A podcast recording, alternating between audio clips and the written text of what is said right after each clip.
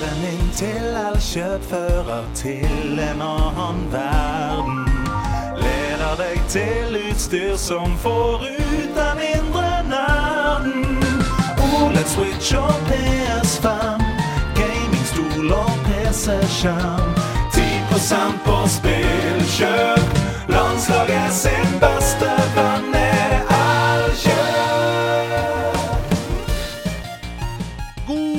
God podcastdag, kjære spillere på nederlandslaget. Før vi går i gang med dagens episode, så har vi lyst til å snakke litt med dere om våre venner i Elkjøp igjen. Fordi Ida og jeg, og alle andre i redaksjonen, vi syns det er viktig at vi gjør en jobb for å guide dere som er spillere på laget, gjennom tilbudsjungelen som finnes der ute. Eh, denne uka her så kjører Elkjøp sin Gaming Week. Gaming Week. Det er omdøpt fra Gaming Weekend, Mhm. som vi snakka om eh, i fjor. Det er blitt kortere ord, men lengre periode. Der er det god. Ja. Vi har jo tidligere nevnt at Elkjøp ønsker å gjøre færre, men større av disse her ukene uh, som før var Gaming Weekend, som nå er Gaming Week. Bare noen få ganger i året, og nå er de her igjen. Og grunnen til at de gjør færre, og dette her sier jeg med all integritet og hånda på hjertet, disse tilbudene som de kjører i denne perioden, Mhm. er uslåelige. Ja. De tilbudene er uslåelige. Du vet at når det er Gaming Week, da er det å slå til. Ja, da, da er det det billigste det har vært noen gang. Ja. Vårt første utvalgte produkt denne uka her, det er et headset. Jeg bruker det selv når jeg spiller PS5. Vi har snakka om det før. Men det går ikke an å ikke snakke om det så ofte som mulig. Det er et Epos Sennheiser GSP 670-headset. Tungt og deilig og kvalitet og aluminium og nydelig headset. Og Grunnen til at jeg kjøpte meg det, det er fordi Epos og Sennheiser de lager de beste mikrofonene til gaming-headsets. Jeg er veldig opptatt av det når, når jeg spiller. Det er jo ingenting som er mer irriterende enn at du ikke skjønner hva andre sier. Dårlig lyd, bare- liksom. Og lyden er så bra for de du spiller sammen med, dette har Hasse sagt til meg, at man skulle tro at man snakka i en ordentlig streaming-mic. Altså sånn som er kobla til med USB. ja, ja. ja. GSP 670 fikk 8 av 10 i en test hos tech.no, og mye skryt for en helt utrolig sånn passiv støydemping. Men det er også deilig når du spiller singleplayer, for da blir du fullstendig lukka inn i det universet. Mm. Det er et trådløst headset, det er USB-dongel som du putter i konsollen din. Jeg digger det, jeg bruker det hver dag, og da er det sabla deilig at Elkjøp har satt det ned fra 2500 kroner til 1195. Det er en god deal. Det er så billig. Jeg kan ikke anbefale det nok på konsoll. Så hvis du har en PlayStation 5, Xbox Series X eh, og har lyst på den der PC-følelsen Mm. av å bli immersed, Mm. Eh, er på Sennheiser GSP 670. Nice. Eh, og for de som har fulgt med oss i nærlandslaget en periode, de vet at vi er fans av Lenovo. Mm. Eh, for vi snakka jo om Lenovo Legion forrige uke. Ja, den bærbare PC-en, mm -hmm. Stemmer. Så denne uka så har jeg valgt meg ut Lenovo G27 Q20, som er en helt fantastisk 27-tommers gamingskjerm. Den har et knivskarpt 1440P QHD-panel på 165 hertz, et millisekund responstid og en syltynn ramme. Den er rett og slett utrolig pen å se på. Brrr. Til vanlig så koster denne her 3990 kroner, som er en veldig god pris. Ja. Den, men den har aldri før vært billigere i noen norsk butikk enn 2195 kroner. Elkjøp selger denne her nå denne uka for 1995 norske daler! Ja, det er helt sinnssykt. Det Det er er 2000 billigere enn vanlig pris. Jepp. Og jeg Shit, er helt sikker på at du får ikke en bedre 27-tommers gamingskjerm eh, altså til en billigere pris enn det her. Det er jeg helt sikker på også. Det som er gøy med, med Vi snakker mye om hertz, -hmm. og det går sikkert over hodet på folk, men greia er at 165 hertz betyr at den kan vise 165 FPS. Mm. Um, så det er ikke noe vits i å spille i 1000 FPS hvis den har 165 Nei, hertz. det er ikke noe vits. så, men det er en helt fantastisk skjerm. Vi har Mm. brukt den selv. Og så får vi mange spørsmål om gamingstoler inntil oss i nederlandslaget. Eh, hvilken skal jeg kjøpe? Er det like greit å kjøpe en lenestol fra en møbelbutikk? Eller Det er jo to forskjellige ting. Det er to forskjellige ting. Og vi har tidligere anbefalt Arozzi Vernazza Arozzi. her i podkasten. Det er på en måte kongen av gamingstoler. Mm. Men hvis du ikke er keen på å bruke over 4000 kroner på Arozzi Vernazza, som er den beste gamingstolen, så gå for den nest beste! Ja. Det, den selger nå Elkjøp til en tullete lav pris. Jeg snakker om Arozzi Inizio Arozzi Inizio. fra samme selskap. Uh, Elkjøp har satt ned fra 3090 kroner til 1695. Nok en gang, nesten halv pris, altså. Ja. De klikker helt til Gaming Week. Det er, men det er, liksom, det er nå du må slå til. Ja, det er det. Så hvis du trenger en ny gamingstol og leter i den mellomklassen, altså Mm. ikke det aller, aller beste, så er det blir ikke bedre enn dette i den klassen. Jeg tenker Du kan begynne å kjøpe årets julegaver nå. Ja, det tenker jeg også. Og så er det um, viktig å legge til at Arozzi Inizio er nok ikke laget for de aller største av oss. så ha det i bakhodet. Mm. Se nøye på målene før du bestemmer deg. Men hvis du bestemmer deg, så kommer du til å gjøre en god deal, altså. Med Arotzi Inizio. Hmm. Dette er sånn forbrukerjournalistikk. Ja, det er det det er! Ja. Det blir jo ikke mye bedre enn dette. Jeg syns det er en perfekt måte å starte ukas episode på. Jeg er så glad for at vi har dette samarbeidet. Jeg føler det er gode, verdifulle tips. Så tusen takk til Elkjøp. Men nå! Tusen hjertelig. Nå kommer ukas episode!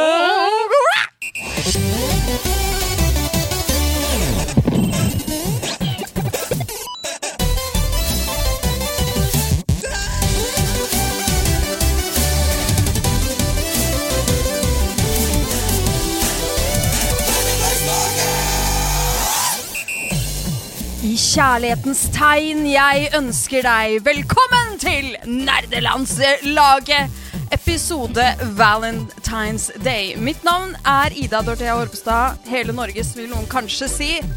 Men jeg er ikke her aleine. Jeg er her med mannen som skyter Amors piler i retning dataspill og konsollspill, spillkultur generelt. Hans navn er Andreas Amormann.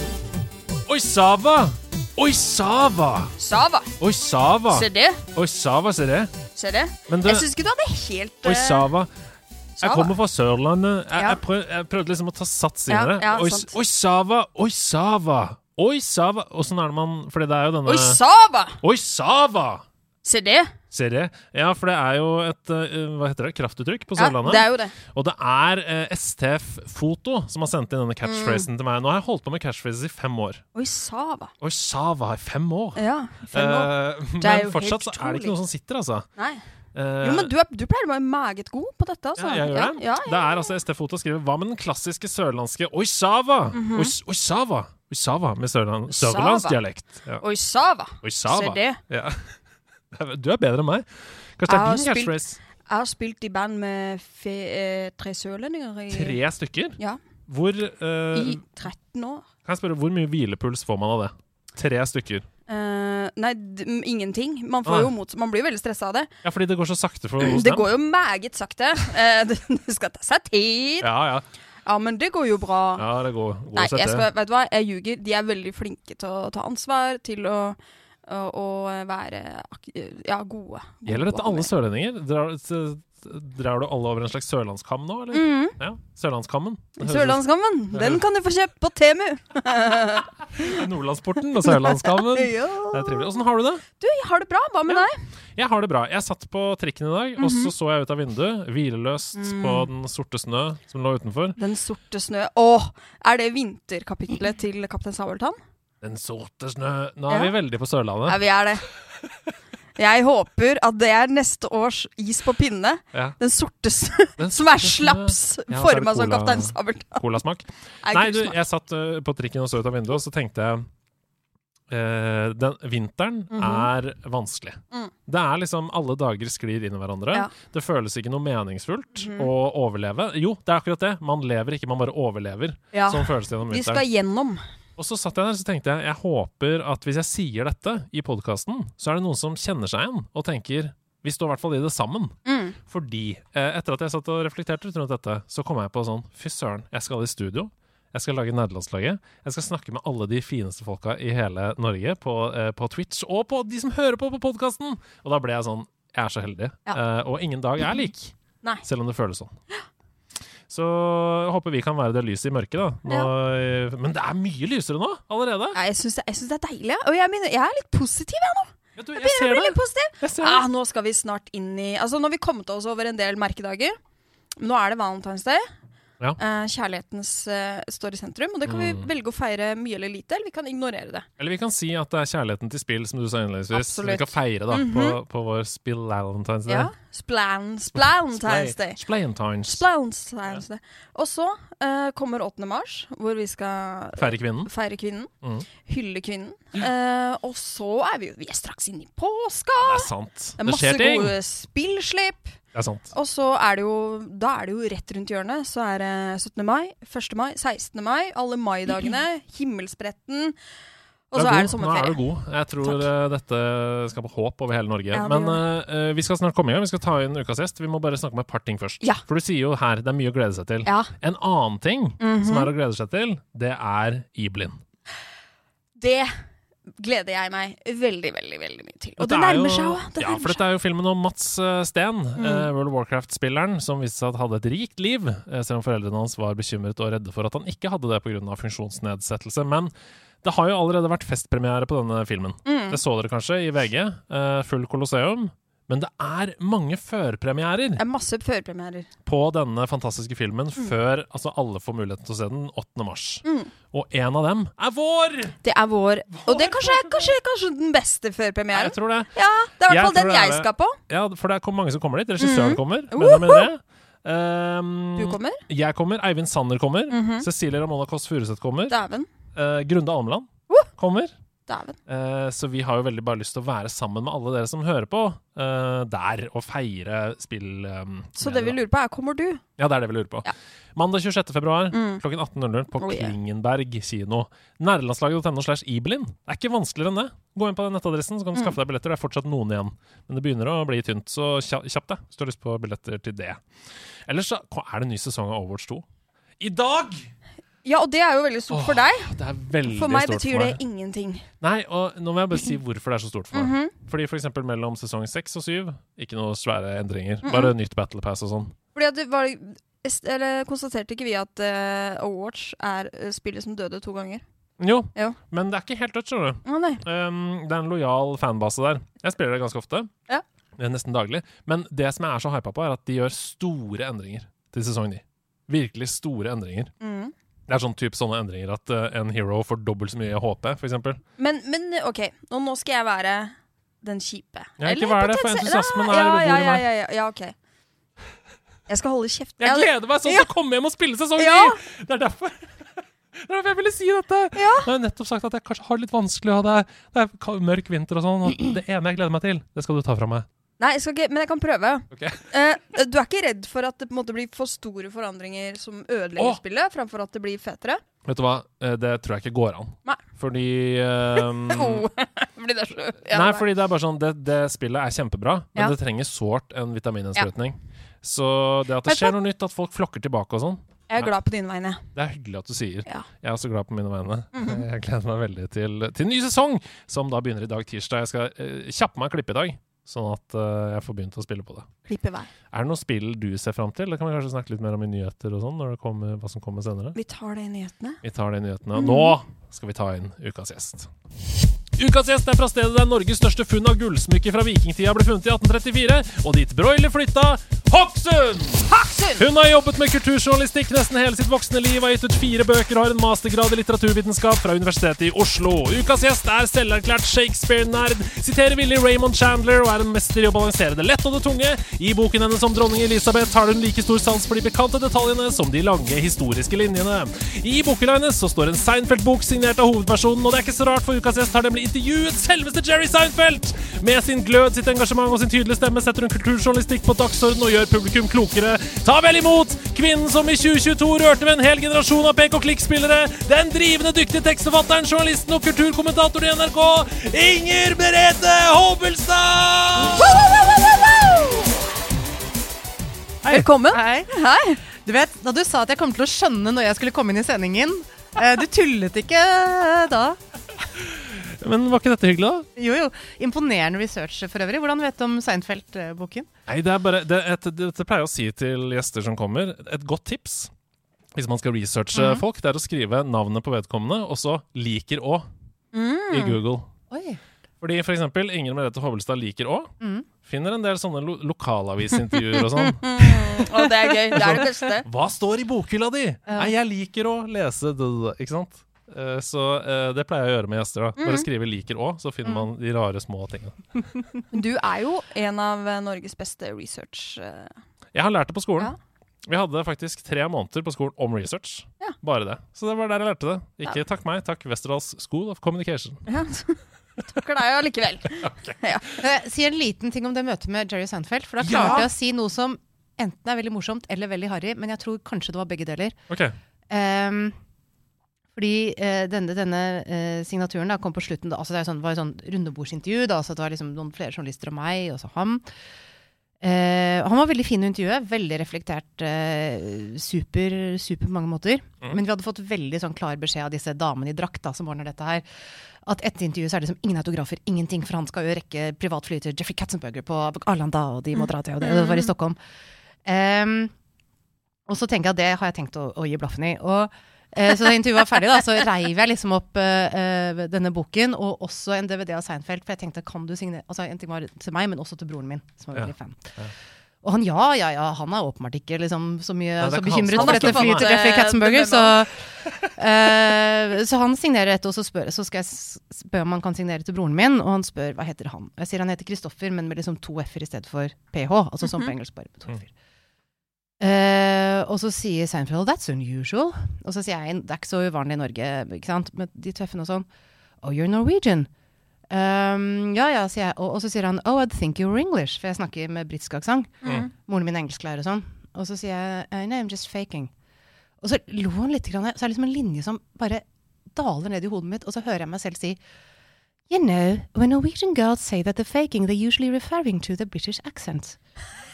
Og så, og så begynte han å le litt sånn hjertelig foran meg. Tenkte, og de andre journalistene bare stirret meg som jeg var gal. Og jeg tenkte jeg har fått, jeg har fått, jeg, Først var jeg sånn Henrik. Jeg har fått, jeg har fått Jerry Seinfeld til å le. Og på flytoget ut i Arlanda så tenkte jeg Hva var det jeg sa igjen? det er så bra! Det er så bra! Hva? Ah, ja. Så, kanskje litt morsom, kanskje veldig harry. Jeg vet ikke, men det er noe Altså, Når du først har muligheten til å snakke med Jerry Seinfeld, så mener jeg det er, dette er en historie for evigheten. Det er mye viktigere at du sa dette enn at du ikke sa det! ja, ja, altså hvis jeg hadde liksom da, Den hadde dalt ned i hodet mitt og jeg ikke hadde sagt noe. Ja, ja, ja, ja. Jeg vet ikke. Nei, jeg er veldig, veldig Ja, glad. det er Dette er er knallsterkt på denne. Men, det, å Men det var, en, det var en ganske harry, det må jo sies. Ja. men å møte Jerry Seinfeld, det må ha vært helt fantastisk? Eller? Ja, veldig gøy. Altså, du kan si at det er jo veldig Jeg syns alltid, det var- jeg synes alltid det er interessant å møte folk liksom, på, det, på det nivået, og ikke Ja. minst fordi de er ganske forskjellige. Selv om dette er veldig veldig kontrollerte situasjoner, da. Eh, så er det veldig stor forskjell på hvem som liksom er veldig sånn med på gamet, liksom. Hvem som sitter der og later som de egentlig ikke bryr seg. Hvem som Så altså, selv om dette er store stjerner som er så vant til disse store prestingene, så, så er det individuelle forskjeller som Er kommer bare Er bare mennesker, de òg, Ja, og det, det du merket med, med Seinfeld, var at han har Du merker den der At han er opptatt av det profesjonelle, av håndverk, av det analytiske. Dette var jo for Mm. B-movie, så han snakket litt om det der med eh, denne omhund ting lages med, og, og, og respekten for det, og sånne ting. Og så var det en av de liksom unge journalistene som sa sånn Hvordan føles det å liksom, eh, jobbe igjen etter fra mange år etter Seinfeld? Og da sier han Er det sånn at du tror jeg ikke har gjort noe i dine årene siden da? Og dette var en fyr på 22 eller noe, ikke sant, som satt der og ble liksom satt litt til vekst. Da. Og da kan du tenke at en annen person ville vært rund i kanten og sagt eh, eh, ja, ja, men du vet hm, hm, hm, Ikke sant? Men, men, men altså, han var veldig der at hvis du ikke har gjort researchen din, så fikk du den litt sånn Ja. uh, Og det har han alltid vært. Nå skal ikke vi, dette skal ikke bli en Seinfeld-podkast. Jeg, jeg hadde litt Mm. lyst til å spørre om du hadde en god Seinfeld-imitasjon. Å nei. Den, det, der skal jeg, i- det islagte tjernet der skal jeg ikke begynne å by okay. meg ut på. Okay. Det, Hent drillen! Vi skal lage, vi skal lage hull i det islagte tjernet. Nei, men eh, jeg bare tenkte uh, Jo, for han er jo sånn. Det var et intervju med uh, Hva heter det? det en gammel uh, podcast, Nei, radiohost. Legendarisk amerikansk radiohost. Husker ikke hva han heter. Mm. En som på en måte hadde det første ordentlig store radio... Larry Nei, jeg husker ikke. Anyways, uh, i det intervjuet så sier han And then you were cancelled om Seinfeld. mm. Og da, da blir han helt stiv. Jerry Seinfeld sier sånn Jeg var den største stjernen. Du tror Seinfeld ble cancelled?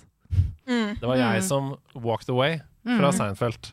Uh, do your research, sier han. Og så er det liksom, da er intervjuet ødelagt. da Ja. Så jeg tror han er litt opptatt av det. At ting skal være Det var ak akkurat det samme som jeg så i Stockholm. Og Ja. da gjør det ikke noe om du er en litt sånn skjelvende 22-åring. Altså, da bare, det, går, det slipper han ikke gjennom. Men uh, dette handler om spill. Ja. Denne podkasten her, om, Og vi er jo veldig opptatt av at spill er, skal allmenngjøres som kulturuttrykk, på linje med film og TV og, og serier og um, litteratur. Vi har jo De største kulturopplevelsene våre kommer jo ofte via spillopplevelser, da. I hvert fall hva det gjelder Ida og meg. Men hva, hva er liksom spill for deg? Hva, er det et kulturuttrykk? Hvordan har du Det er alt det der. eh, og det er jo det du sier, er altså noe jeg har vært opptatt av. Jeg har skrevet et par kommentarer om spill etter at jeg har vært i, eh, altså som kulturkommentator i NRK, da, og tenker at det er verdt å følge med på det. Eh, det som er litt utfordringen, det er at altså, jeg som er småbarnsmor nå, og alle som er det, det kommer et punkt hvor det å sitte i tre timer der, det Det, er, altså det å følge med eller det, og det blir veldig veldig vanskelig, rett og slett. Mm. Um, men spill har Hva skal jeg si? Det har vært avslapning. Det har vært eh, eh, opplevelser sammen med andre. Altså Særlig sammen med broren min. Det skrev jeg, jeg skrev en kommentar om Monkey Island Mm. eh, som du var inne på. Eh, og han var jo seks og et halvt år yngre enn meg, så veldig ofte var jo vi Og han er gutt, ikke sant? så vi var jo ofte litt sånn i ulike verdener. Det var ikke sånn Vi lekte ikke med samme ting og var ikke på samme Men akkurat med disse spillene, da, så satt vi der og løste Mm. dem sammen, og det var en veldig, veldig hyggelig ting. Mm. Spilte Monkey Island-spillene. Spilte eh, Little Big Adventure, Mm. eh, som var kjempekoselig. Ja. Og så har det vært eh, Altså, jeg har overhodet ikke vært sånn at jeg har fulgt med på nyheter liksom, når det kommer. Men, eh, men jeg tror også at en del spilling har vært en sånn måte å gå inn i en slags flytsone på. Mm. At du har en del av hodet ditt som jobber med spillet, og så har du en del som liksom driver av sted og bearbeider ting og kanskje Mm. er kreativt. Og, eh, altså at det er noe interessant som, som skjer med hodet ditt da, når du går inn i den litt sånn sonen. Mm. Men det er klart at da, det er ikke sånn first person shooter-spill. Det har aldri vært helt min ting uansett. Men da kan du ikke helt la hodet flyte, altså. Men, tror jeg. Kjenner Men, du deg igjen eh, i det, Ida? Um, Det, det å bare flyte vekk og liksom være et annet sted? Ja. 100 Ja. Uh, Og jeg kjenner igjen mye av det du sier, med det å, å, å um, eh, kunne få en helt uh, Altså at spill legger til rette for å, å um, være sosial og dele opplevelser med andre som du kanskje ellers ikke ville delt det med. At man Mm. finner den ene felles interessen og, og uh, verden som man kan liksom la seg Mhm. engasjere i. Men absolutt, mye av de gjorde, sånne litt sånn mysteriebaserte spill Mm. også. ikke sant? Oi, prøv det, prøv det, prøv å trille den trillet bare over Mm. der. Og, Ja. Eh, ja, Grim Fandango også spilte, spilte han og jeg, da. Mm. Uh, så det var Altså det er liksom å løse sånne små gåter sammen. Som Vi skal, vi skal dykke dypere ned Ja. i den eh, fortiden din. Uh, Mm. Jeg har bare lyst til å liksom skrape litt i det der overordna til å begynne med. Ja, uh, men jeg må bare si det der Det som du tar opp, da, med at det, Problemløsning og hvordan hjernen kan liksom Bevisstheten din kan være fokusert på noe, mens det å la seg flyte, bli engasjert, gå inn i en verden sånn ehm, Det er jo Jeg, jeg tror det er sånn viktig eh, og utrolig nyttig å kunne Mm. Tømme La, hodet. ja, tømme hodet, la bevisstheten jobbe med det. Og så skjer det noen greier i underbevisstheten. Mm, mm. Problemløsning. Jeg Og så er det også, tror jeg, at iblant utfordrer deg sånn eh, på en sånn måte å tenke på som man ikke får anvendt på så mange andre Ja. ting. Mm. Absolutt. Eh, altså Et av de store vi skal vi sikkert snakke om, et av de kanskje største spillet i mitt liv er jo Civilization 2. Ikke tre, ikke fire. To. Mm. Eh, og det er jo og den der måten å tenke på når jeg spiller Civilization, var jo utfordrende. Det føltes liksom som om det, det føltes som en slags smartness. Det er jo ikke en smartness jeg direkte har fått anvendt på noe annet jeg har fått holdt på med i hele mitt liv. Mm. Men som var liksom interessant og bare Det var muskler som Det var en Ja. sånn interessant mental styrketrening å holde på med Mm. der og da. Og så er det en he da blir jo det en helt egen arena for mestring også. mm. Hvis man har litt det der eh, anlegget for at oh, her har jeg noe smartness som Mm. aldri Det har bare ligget og venta på dette øyeblikket hvor jeg skulle bli byplanlegger. Ja. Jeg bare, jeg, dette er bare tall som er dratt ut av uh, bakenden. Men uh, jeg leste en eh, kommentar uh, på Reddit i går, ref det du snakket om å være småbarnsmor og det å henge med i tiden og sånn. Det kom eh, Dette er bare som sagt tall som jeg mener jeg siterer fra den kommentaren, men det kom 751 spill til Super Nintendo i hele Super Nintendo sin levetid. Det kom 10 000 spill på Steam i fjor. det er så Ja. sjukt, altså. Så da har du forskjellen, da. Mm. Det er jo det er en helt annen verden nå enn det var da vi vokste opp. Og apropos da vi vokste opp. Da skrur klokka tilbake, Inger Merete. Hva var det første spillet du spilte? Husker du det? Ja, det var Super Mario. Var, første Super Mario. Det aller første Super Mario. Eller, altså, første, jeg lurer på om det var noe var, Jeg har noe vagt minne om noe dataspill før det, et som heter Mousetrap eller noe. På, det det? For det har jeg det var jo hos venninnen min, det var ikke min vei. Det var bare grunnen til at alle liksom ville henge med henne hele tiden. Selvfølgelig, For hun hadde en sånn uh, fantastisk. Det har jeg bare spilt i Eh. brettspillversjon. Hvor du, du var en mus, og så skulle du putte du skulle, um, Det var en sånn um, Hva heter det? Rube Goldberg-maskin? Sånn evighetsmaskin, på en måte, hvor du skulle fange ting og sånn i det. Det er i hvert fall det jeg husker i brettspillversjonen. Her går vi så langt tilbake at jeg har bare sånn veldig veldig vage bilder. Men det var en sånn klassisk sånn liten mus som skulle inn, gå i noen sånne ting som gikk opp og ned, og overleve og komme seg til ende, og, og, og litt sånne ting. Mousetrap på Amiga. Her har vi det. Eh, ja. Det ser ut som Donkey Kong. Altså Det er sånn øh, stiger opp og ned. Jeg tror og, det. Ja, ja, ja, ja. Amiga Mousetrap, ja. Wow. Men Dette det var, ja. men, ja, ja, men det var altså dette som, Igjen, dette er, eh, dette er eh, Jeg kan knapt kalle det et minne, Ja, for å si det sånn. 1987 står det her. Eh, ja. Og, eh, og så begynte jo klassiske Nintendo å spre seg. Jeg var ikke den første som fikk det, mm men begynte selvfølgelig å spille det. ikke sant? Når alle begynte å spille det, venner begynte å få det. Og så hadde jo jeg selvfølgelig en, en grei onkel, en sånn ungkarsonkel. Mm. Sånn som kjøper de tingene som foreldra dine ikke kjøper til deg. Altså onkelteorien. Vi, vi har en onkelteori her Ja. om at alle har en onkel som har introdusert teknologi og spill og sånn. Mm. Og du vil, du vil bli overrasket over hvor mange som har sittet i den stolen her og sagt nøyaktig det samme. Nei, det begynte med min onkel som kom med Super Nintendo. Hva er det med onkler? Hva er det med onkler? Eh, og, nei, men du vet, det, Dette har jeg faktisk skrevet en kommentar om. Jeg tror med den tittelen 'Hva er det med onkel?' Fordi utrolig mange filmer og sånn, så er onkel den litt sånn Hva er det Det er med han litt sånn halvkriminelle fyren som kommer slengende Ja. fra byen, ikke sant? Eller han, i Terkle- han, han øh, som har et lite alkoholproblem, men som stiller opp. ja. Ja, ja, ja, Han er, han er ute på byen, han. Litt Ja, ja, ja. full, men han henter deg. Ja. Henter deg på mopeden sin. Ja. Terkel knipe. onkel. Så uh, vi, uh, min familie, vi fikk da vår Nintendo av min onkel til Ja, jul. Eh, og da, men da var det forbi liksom Duck Hunt. Da hadde jeg Mm. spilt Super Mario Duck Mm. hos andre, men da var det den disketten med Super Mario og Tetris og World Cup Mm. som var neste. Tetris. Vi Og jeg tror jeg var ukront kretsmester i Tetris. Jeg var en jævel på Tetris. Ah! Her har du, her har du Østfold, Mhm. Østfoldsmester, nemlig i Tetris. Ja, hvor, Den klassiske, den på den uh, Nei, gamle øh, øh, nå har jeg egentlig det er senere tid jeg er jo blitt så veldig Tetris-frelst. Det Ja. starta med den som var på Facebook. Tetris Ja, i, ja. i, i det Facebook Game Center Ja. der, hvor du hadde Farmville og de andre Ja, Heyday ja, og ja, sånn. Mm. Der var det Tetris. Du, du, du, du, hele tiden. Uh, fikk sånn derre Hva heter det sånn når du ser lukker Ja, det er Tetris-effekt, Ja, ja. Tetris-effekt. Når du lukker Ja. ikke øynene for å legge dem om kvelden, så ser du Ja, de blokkene og sånn. Ja. Jeg skrev en kommentar om dette også nylig. For Ja. Ikke sant? Ja, ja. Yes. Jeg Eh, drømte i Tetris-brikker. Ja. Og så er det så frustrerende når det ikke går opp! ja. Eh, Men, men de, som, er de, som, de som kommenterer nå, er de så gamle som meg, liksom? Fra oh, ja, for nå snakker du om Twitch-chatten. Ja, Eh, eh, Fordi hvis de holder på nå, det jeg lurer på hvis det, Jeg vet ikke om dette sier noen noe. Men jeg, altså det, var en, det var jo A- og B-versjon på, Ja. på Tetris på Nintendo. Det var jo den A han spilte som, som krasja det. Okay. Som liksom vant over det. Mm. Det var det som var knaggen for at jeg skrev om det. Men med B, den som het B, tror jeg, så skulle du klare var det, det må ha vært mer enn 20 sånne linjer. Ja, det, det var 20 er jo ingenting. Jeg husker ikke, Det var et visst antall linjer man skulle ja. klarte for å, klare for å uh, runde.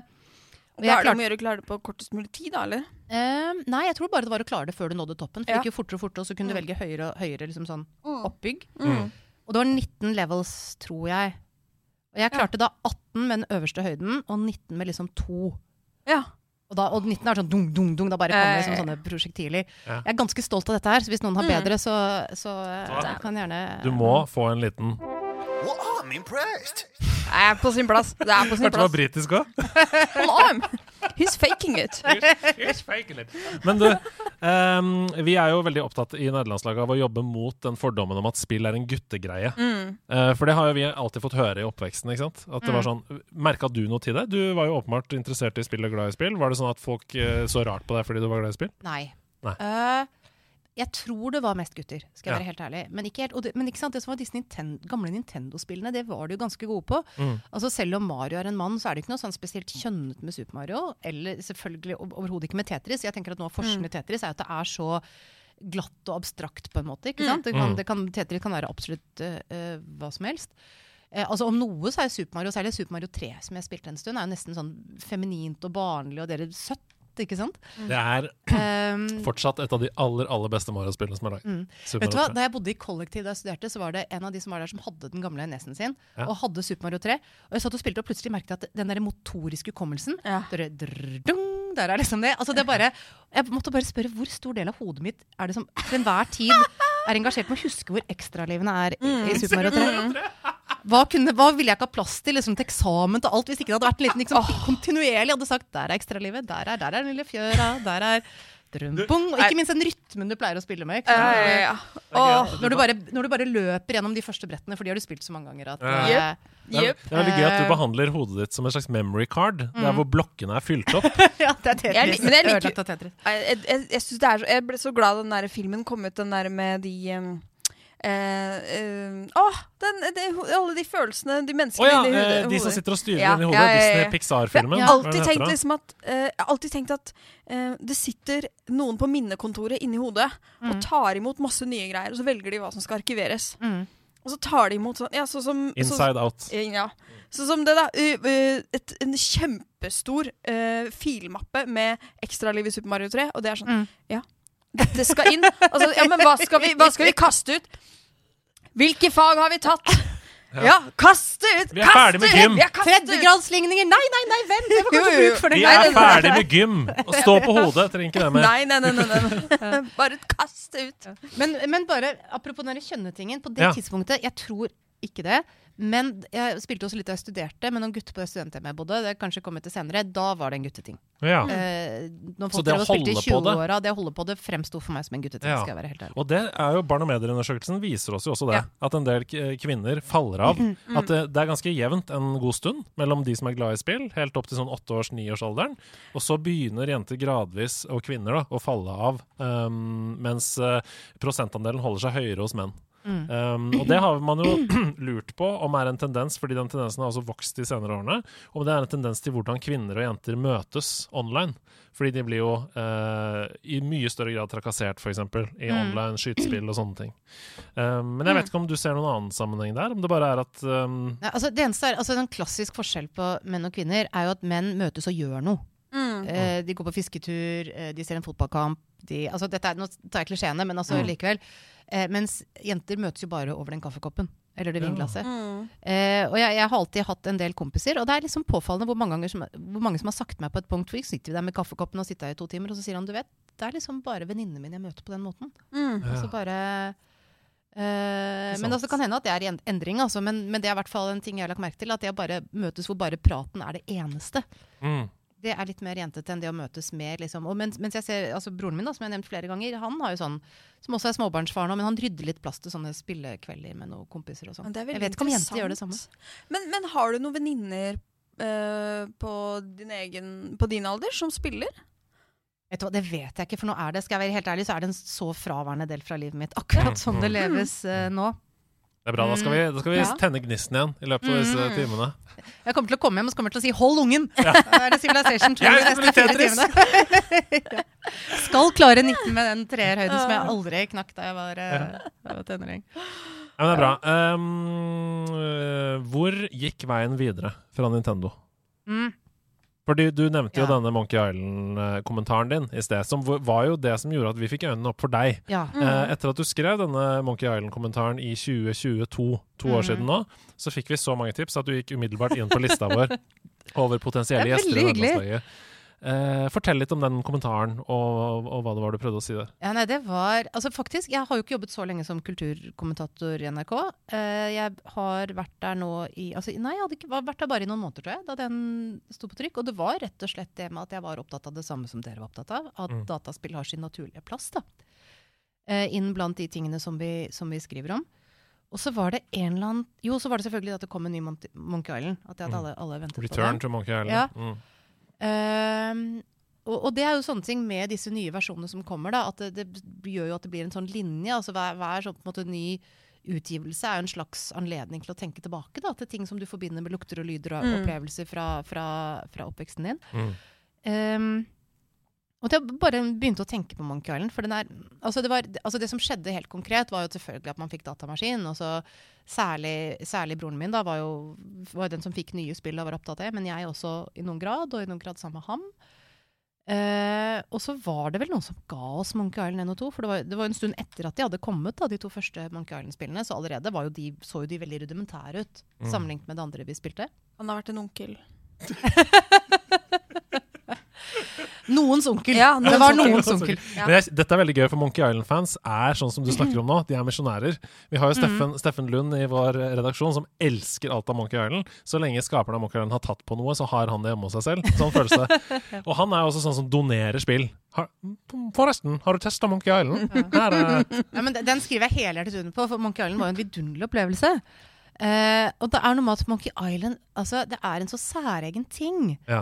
Og, og det er noe med at jeg tror du får deg til å føle deg litt sånn innvidd på to litt sånn motstridende måter. Dette prøver jeg å beskrive. For en måte er at den napper i den der klassiske ut på eventyr-nerven. da. For det er en sånn veldig lett gjenkjennelig verden. Det er karibisk øyrike, det er liksom eh, palmetrær og voodoo-damer og ned, Mm. skatter som er gravd ned. Og, ikke sant? Skip og det, det er den typen ting.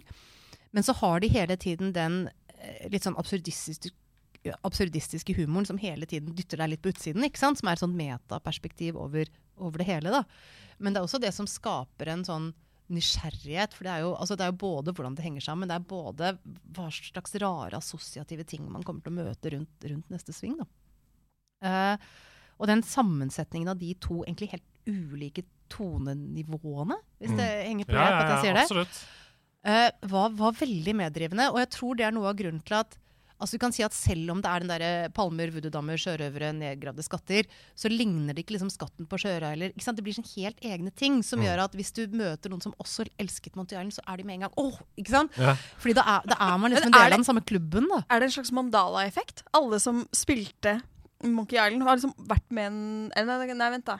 Men altså, jeg hadde jo ikke kontakt med når det Ja. var bare vi. altså På det Ja. tidspunktet var det jo ikke, Men sant? man har hatt en felles opplevelse, da. Man har liksom en eh, Ja, Jeg det- tror kanskje jeg brukte det Mandela-effektene. Man- ja. Jeg tror du brukte det feil, men Ja, det jeg gjør tror, ingenting. ja. Her er det takhøyde og Ja. rom for alt, Ta, ta vekk det. Men det, at man har en sånn derre Man har en helt sånn En felles opplevelse at man har opplevd noe Ja. som er noe annet. Mm. Um, og som ikke ligner på noe annet. ja. Um, men det- på forskjellige tidspunkt. da Men det er jo det som er så flott med spill. At man kan oppleve det på forskjellige tidspunkt, men allikevel dele en opplevelse. Og spesielt Monkey Island. Mm. Jeg må bare skyte inn det. Er en helt spesiell opplevelse fordi det er Nå gjentar jeg litt det du sier, men ikke helt. Um, det er den uh, eventyrspillgreia som drar deg inn, men så er det en dybde der Mm. som ikke folk flest får med seg. Eller hvis du skjønner hva jeg er, mener? da. det er jo en ironi, da. Ja, og ironi nettopp. er jo alltid overbygningen. Det er alltid liksom en, en samtale om samtalen, egentlig. Så det, å- det å finne ingrediensene for å lage grogg, Mm. det er gøy nok i seg selv. Mm. Men når du ser under, alt underteksten som Mm. er i, i hele det spillet, så du kan spille det spillet på så mange plan. Mm. Derfor er det gøy, mener jeg, for alle aldre.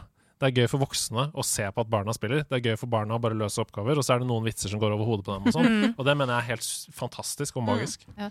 Ja, så har Du sånn, du får jo så lyst til å bare være i det der rommet hvor de satt og kokte opp disse tingene. ikke sant? Ja, ja. Q-tippen inn i øret på den store apen. Og det at han ser Mor, far, hva gjør dere her? Og så begynner du å danse en hode, skulder, kne og tå. ikke sant? Den derre fantasien hans. bare, bare at du sitter, Her har det sittet en gjeng rundt et bord og kommet på den ideen, og så sier vi ja, da er alle enige, dere. Det gjør vi. Og så er alle enige om at de skal ha liksom, Yes. gjenferd av mor og far som danser hode, Mens de rister i koffein fordi de har vært våkne i tolv og lager spill. Da tar vi Men det det der er jo hodet, skulder, kne. Men bare det er jo litt deilig å tenke på, er det ikke Ja. det, da? Eh, Jeg elsker det. Mm. Ok, Så Monkey Island ble det første sånn, ordentlig sånn kjærlighets... Da skjønte du sånn Å ja, spill er mer enn Tetris, liksom. ja, kanskje. Men altså, jeg vet ikke om det var en sånn jeg, Monkey Island er mest det at jeg husker dem så, som så utrolig gøy og hyggelig. Eh, men altså, akkurat når jeg begynte, var Civilization 2, eh, Ja. Monkey Island eh, og, og, og eh, også fra den perioden Kjærlighet, kjærlighet, eh, Grim Fandango. Ja, Altså Grim. Fandango. Som var, og, og som er litt sånn på noe av det samme, fordi Altså Hvis man tenker at en sentral side ved kreativitet er det at man vet hva man skal sette sammen Mm. hva man skal ta herfra og derfra, og, og, og riste det i en blender for å få noe Du rister ikke i en blender. Uh, for, for å få noe liksom nytt og særegent. Mm. Ja. Så de, de med Grim Fanango, også LucasArts, eh, tok jo da film noir, som jeg er veldig glad i. Den der klassiske sånn Apropos du nevnte Raymond Chandler, ikke sant? Mm. Eh, I dette eh, eh, absurd imponerende researchopplegget. Um, så den litt sånn mellomkrigstiden, farlige damer, raske biler, privatdetektiv Ikke sant? Eh, den derre eh, wisecrack-tonen fra de filmene med asteker, religion og, og estetikk.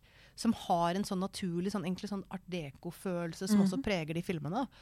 Um, så hele det universet som da disse, fordi eh, Grim Grim Fandango er jo da basert på De dødes dag. Mhm. Eh, og at da hovedpersonen, Manny Calavera, er jo eh, reiseagent i De dødes land. Eh, og, skal liksom, og så er det et eller annet med systemet som er korrupt, da, ikke sant? fordi Mm. folk får ikke det, eh, det etterlivet som de ville fortjent, ut fra hva slags liv de har, har ført. Og så her er det noen som fusker, og så må man finne ut hva det er. Mm. Eh, og så blir jo dette en sånn reise gjennom De dødes land, da, forskjellige sånne, sånne nivåer. Satt til liksom eh, Eh, blendingsgardiner det kommer litt ja, ja. lys gjennom, røyk, eh, sigaretter Nei, med munnstykke. eh, ikke sant? Ja. alt det der. Og så- Beep, beep, beep, beep. Altså, Jeg, ba, jeg bare kjempelyst til å dra hjem og spille det. Ja, og, så, og veldig sånn altså, Replikker som lå veldig tett på den eh, film noir-typen manus. da Det er jo et punkt ganske langt ute i spillet, tror jeg, hvor man finner ut at en sånn litt sånn spennende dame som du tror er på lag med deg, egentlig står i med bad guyen. Ja, Beklager, ja, ja. beklager spoileren her. Spoiler warning! Det, så Grim Fandango kom jo i remaster nå nylig, så det kan godt hende at det er noen som spiller det for første gang. Ja, eh, ja. Bare uh, lat som, lat som uh, Men nå fikk dere, Men, nå fikk dere klikk-inngangen. Det er noen Ja. som står i med noen. ja, Så fortsett å spille. og så sier uh, vi, da, Manny, sier um, til henne You know, you have really bad taste in men. Og så sier hun No, I have a taste in really bad men. There's a difference. Og det har jeg aldri glemt. For et bra manus! Jeg får gåsehud. Veldig bra, Manus. Det er det du skulle sagt til Jerry. I have a taste in really bad men.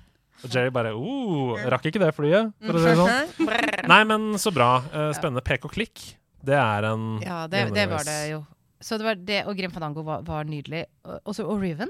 Ja! Det, var, det var bare meg. Oppfølgeren til Myst. Uh, Ja, jeg var aldri inne på Myst av en eller annen grunn. Jeg tror fordi, Sikkert sånn at du fikk Riven av noens andre onkel. Og, uh, og Riven, Riven er en av mine sånne regrets, fordi der var jeg så nysgjerrig på hvordan det hang sammen, og hvordan det gikk, at jeg brukte for mye walkthroughs. Begynte ja. Mm. For, for du, var bare, du ble bare gal, ikke sant? Ikke å komme Du så på klokka, og du måtte legge deg om en halvtime, så nå måtte du. ja, Ja. Sånn.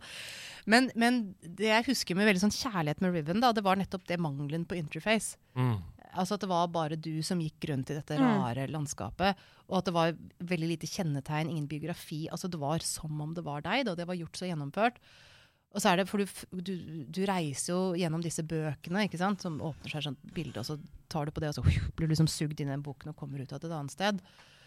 Og på ett punkt så lander du jo inn i et sånt fengsel der det er en av disse Gen, er det det han heter? Som plutselig kommer til syne og begynner å snakke med deg. Mm. Og da føles det jo som om han snakket med meg. Ja. Ehm, selv om dette var liksom såpass ikke sant? Bare stive bilder og sånn, sånn gam, veldig gammeldags. da. Men det husker jeg fremdeles at den effekten her var ganske liksom wow, ikke sant? Når han plutselig Ja. nesten setter øynene i deg, så føltes det ikke som det var en avatar. Det føltes nesten som det var du som satt og spilte. Og Det er så gøy, det uh, puzzle-elementet du snakker om der. For veldig mange av de spillene som du refererer til nå, og tingene som du sier at var grunnen til at du likte dem, f.eks. definisjonen på kreativitet i Grim Fandango, det er å kombinere ting. Hva tenker du på? Et lite spill fra 2023 når jeg tenker om kreativitet og kombinere ting? Ears of the Kingdom, eller? Ja, ja, ja, ja, ja, ja, ja. Det nyeste Zelda-spillet er på en måte bygget på hele den Ah. mekanikken. ja. Av at hvis du skal komme deg et sted, så må du ta en ting og møte med en annen, sånn at det kan bli et fly, f.eks., eksempel og du kan komme deg.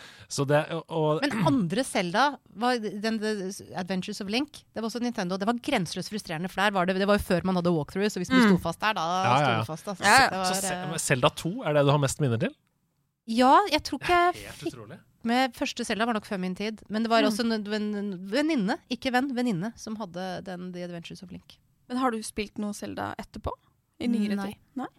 Det var bare sånn bare hos uh, Det skjønner jeg hvis det begynte tolerante foreldrene til denne Men det er noen onkler her som må stille opp med en. Switch og noe Mm. greier. Det er det, men jo, Selda Zelda 2 var jo spillet som begynte som det første Zelda, men så plutselig er det sideskrollende. Ja. Og Link ser veldig rar ut, Ja. og, og det ser ut som et plattformspill, hvor du går fram og tilbake med, i, på side og sånn. Ikke så veldig bra, syns jeg. Så jeg skjønner hvorfor det slutta Ja. der. At, uh, Men jeg spiller iblant den der intromelodien litt på piano. Blant sånn du, du, du, du, du, du, du, du. Av en eller annen grunn så sitter en du, du, du, du. men Det er de, de på minnekontoret, vet du. De Ja. har uh, De jobber overtid. Ja, ja, ja. Dette er verdt å ta vare på. Men uh, uh, du sier piano. Har du noe forhold til spillmusikk? Hører du på det, eller er det bare Nei. nostalgi? Det er bare Altså igjen, jeg føler altså Det må jeg si da jeg ble invitert hit, det var veldig hyggelig. Og så tenkte jeg hva, lille meg? Fordi jeg tenker meg ikke liksom egentlig på meg selv som en gamer, fordi jeg vet jo at det er alle disse enorme liksom, universene der ute som jeg ikke aner noe om. ikke sant? Mm. Um, og jeg har aldri hatt en sånn egen maskin for å spille. Jeg kan aldri, jeg har bare gjort det og bare syntes det var gøy. Mm. Men så skulle jeg skrive opp og tenke gjennom spillene jeg har hatt et forhold til, og så var det jo plutselig en hel del, da. Mm. Men, men jeg har ikke noe um, jeg, jeg, den, jeg er ikke så innlevd i det. Det er så bra, fordi vi har hatt gjester her, Lars Berrum eksempel, hei til deg, som bare hadde spilt ett spill i sitt liv, og det var Batman Arkham City. Den hadde han spilt 200 timer, da, så vi snakka ganske mye om Batman Arkham City. Men um, jeg bare tenkte jeg måtte ta Jeg nevnte jo disse topp tre spillopplevelsene for deg i forberedelsene. Har du gått, har du, er noen av dem allerede sagt, eller? Å, det kan hende. Du beklager, nå husket jeg ikke hva jeg liksom skulle spare. Nei, men det er, kjempe, det er kjempefint. La oss, la oss begynne på tredjeplassen der, hvis det er en. For Ja. vi har jo nevnt Civilization. Ja, vi må snakke om Jeg har uh, vi Jeg lurer oh, Det kan hende at Monkey Island er et av dem, altså, for Ja, jeg ja. har bare så mye, Jeg mye kjærleik. Um, Civilization 2 er helt, helt definitivt et. Ja. Uh, Civilization 2, altså Apropos spilt 200 timer. Jeg er veldig glad jeg aldri kommer til å få se regnskapet av mine timer tilbrakt med Civilization 2. Ja. Eh, som jeg begynte å spille da jeg var 17 eller noe. Ja. Eh, 17-16, et eller annet. Eh, og som bare har egentlig fulgt meg gjennom ikke sant? Som var en sånn, Det var sånn go to-avslapping, og var det liksom frem til jeg var nesten 30. tror jeg. Men- liksom sånn. Er, det Ikke liksom, er det liksom ditt Um, på en måte friends? Sånn som for, uh, andre Ja. har Åh, når jeg virkelig skal slappe av, og hvis jeg, hvis jeg synes at eh, hverdagen er liksom litt Kanskje man har uh, litt for mye å gjøre, kanskje man syns at ting er vanskelig, da. At det er liksom åh, da kan jeg begynne på sesong én av Friends igjen. Fordi Ja. man vet hva som skal skje og alt mulig sånn. Klart, i Civilization så vet du ikke nødvendigvis hva som skal skje, men Begynner å få ganske god peiling i de, åtte, de første åtte årene. Ja, første åtte ja. årene begynner, begynner å få peiling på hva som skal skje. Men, men er det, Men det ja. var Altså, jeg vet ikke. Men, men det, det som jeg ikke helt kan forklare, det var at jeg var jo helt uinteressert i å gå videre. Selv om Altså, egentlig så er, er det en Altså, for alt som er fantastisk ved Civilization 2, så er du en, en flaw at man egentlig bare kan vinne ved å være sånn dønn imperialist. Mm. Og det er også grunnen til at jeg har spilt Civilization 2 i så mange år. Jeg har aldri spilt på det høyeste nivået. Eh, og har ikke lyst. Nei. Jeg har unngått det. Fordi da må du bare, bare herje og drepe. Og det Mm. er, var aldri det jeg syntes var det mest interessante. Nei. Eh, jeg syns det mest interessante var liksom infrastruktur og forskning og bygge opp og hvor langt dit, og de der ressursene, hvordan få byen din slik at den rommer mest mulig. Og liksom, det er nok veldig mange andre Eh, spill som kan eh, ja, det er ikke, ikke, jeg må bare, da skulle jeg til å holde meg for ørene, og så glemte jeg at jeg hadde headset. Uh, jeg har ikke tid. Uh, for å si det sånn, hvis jeg havner på et sånt kjør igjen, så kommer toåringen når hun blir liksom 25 til å sitte og gråte sine salte tårer hos terapeuten og si 'hvorfor var mamma aldri der'? ikke sant? Så, så vi må bare unngå, unngå det. Men. Stian, Stian har, Eh. hadde barn på arm og eh, bygde om på en måte musa si. da, Mm. til å ha, Han kjøpte sånn mus med flere forskjellige taster på, sånn at du kunne gjøre alt med én hånd. Så, så han satt liksom na, na, na, på venstre hånd, og så gjorde han alt i World of Warcraft i høyre. Man kan gjøre mye rart. Jeg spilte Civilization 2 på fransk. Det er to fransk grunnfag. for å liksom... Ja, så lurt! ikke- Det er. Kjempelurt. Altså, jeg vet, jeg kan alt om sånn irrigation og sånn på, på fransk. Eh, Boulangerie. Hmm? Boulangerie. ja, ja. Ja. Så, eh, men altså, det var altså, jeg, jeg, likte det, jeg likte å bygge den verden. Ja. Prøve å liksom lage det. Og der var det jo problemet at jeg var litt for harmonisk. liksom. Jeg ville egentlig bare finne ut Mm. tingene, og at de skulle, og så må du krige, selvfølgelig, ting, men ikke jeg, jeg likte den andre måten. Jeg vant alltid med Space Race? Og, Mm. og, og sånne ting. Men altså, det var noe veldig avslappende. Liksom, den lille mannen bygger den lille byen. Ikke Mm. sant? Og så bare å se det liksom spre seg ut. Sånn lite åker der. Og liksom, jeg vet ikke, det føltes uh, Det Det var veldig avslappende. Og det var en sånn total sånn flytsonebearbeide. Og så tenke på andre ting jeg jobbet med. Bare sitte og, og se dette veinettet og disse byene liksom bre seg, bre Mm. utover. Og det har jeg gjort så avsindig mye. Lever onkelen din ennå? Ja da. Ja. Eh, hva heter han? Per. Hei, onkel Per. Onkel Per. Shout-out til deg. Hvis du er én ting du skal gi i julegave til Inger Merete i år, så er det Nintendo Switch. Hun skal få Grim Fandango Remaster, Mm. eh, og hun skal få Animal Crossing. ja. eh, ja. Som er et spill som bare handler om å lage en liten åker, eh, få en litt finere øy, lage noen veier. Å ja, å nei, vet du hva, det, men jeg kan ikke gjøre det. For da slo på at jeg spiller jeg ikke nevnt for deg. Også Sims brukte jeg også mye tid på. Og da snakket jeg med en venninne. Det var også en venninne som spilte. Til vi kom på, altså det å, Vent da, Nå sitter vi og bruker masse tid for å prøve å liksom få tid til å gå på bad og gå på do før vi går på jobb. Mm. Gjør vi ikke dette nok i det virkelige liv? Det er alltid det, det, er alltid det de andre erter meg for òg. Er sånn Hvorfor spiller du Job Simulator? Du har en jobb. Men det er noe med å høytrykksvaske noe i et dataspill som Mm. er annerledes enn det gjør det i virkeligheten. hodet! Ja. Og du blir ikke sliten av å holde spyleren. Ja. Men, men kan jeg også si, si det med, med Civilization 2, at jeg liker også veldig godt at det er turn-based. Ja. Mm. Fordi det er, det er noe av det avslappende. Og da jeg bodde på, jeg bodde på Blindern studenthjem Mm. da jeg studerte eh, hvis, altså Der var det en god sånn nerdegjeng, så hei til dere hvis noen Hei, av de er, er eh, her. Og der satt folk og spilte Age of Empires da jeg flyttet inn. Åh! Uh, Age of Empires 2. To, Ja. sannsynligvis. Beste. Og, og jeg uh, har masse veldig stor Men, men altså det var, da var det særlig en som drev sånn skikkelig psykisk terror. For han, Jeg var aldri noe særlig god i det. Eh, for han sendte sånn én mann for å stå og dælje løs på muren din. Så du slipper Ja. fikk det der trompetstøtet, Ja, og ja, noen angriper deg hele tiden. Hvor, hvor, hvor? Uh, og han var bare så himla rask. Jeg merket at jeg, jeg bare orker ikke å sitte og være så rask som jeg må. for å... Eh, så det Ja, for var det er gøy en sånn- periode, men jeg merket at jeg, det var for utmattende. Rett og slett, er- Derfor han var så innmari god. Realtime-strategi. Nei, nei. Turn-based. Ja, ja. Ja. Det, Eh, Men du, eh, stortingspolitiker Grunde Almeland, Mm. som har eh, vært på jobb denne, det siste året pga. alle de Han sitter i kontrollkomiteen Han på er Stortinget. leder av kontrollkomiteen. ja, ja. Så han har hatt litt å gjøre. Han bruker jo Civilization aktivt for å tømme hodet. Mm. Altså Når det er veldig mye som koker rundt han eh, Han sier at mannen hans for eksempel, sier til han Skal vi ikke spille litt nå da, Grunde? Bare for å liksom jeg, Nå ser jeg at det er mye, liksom.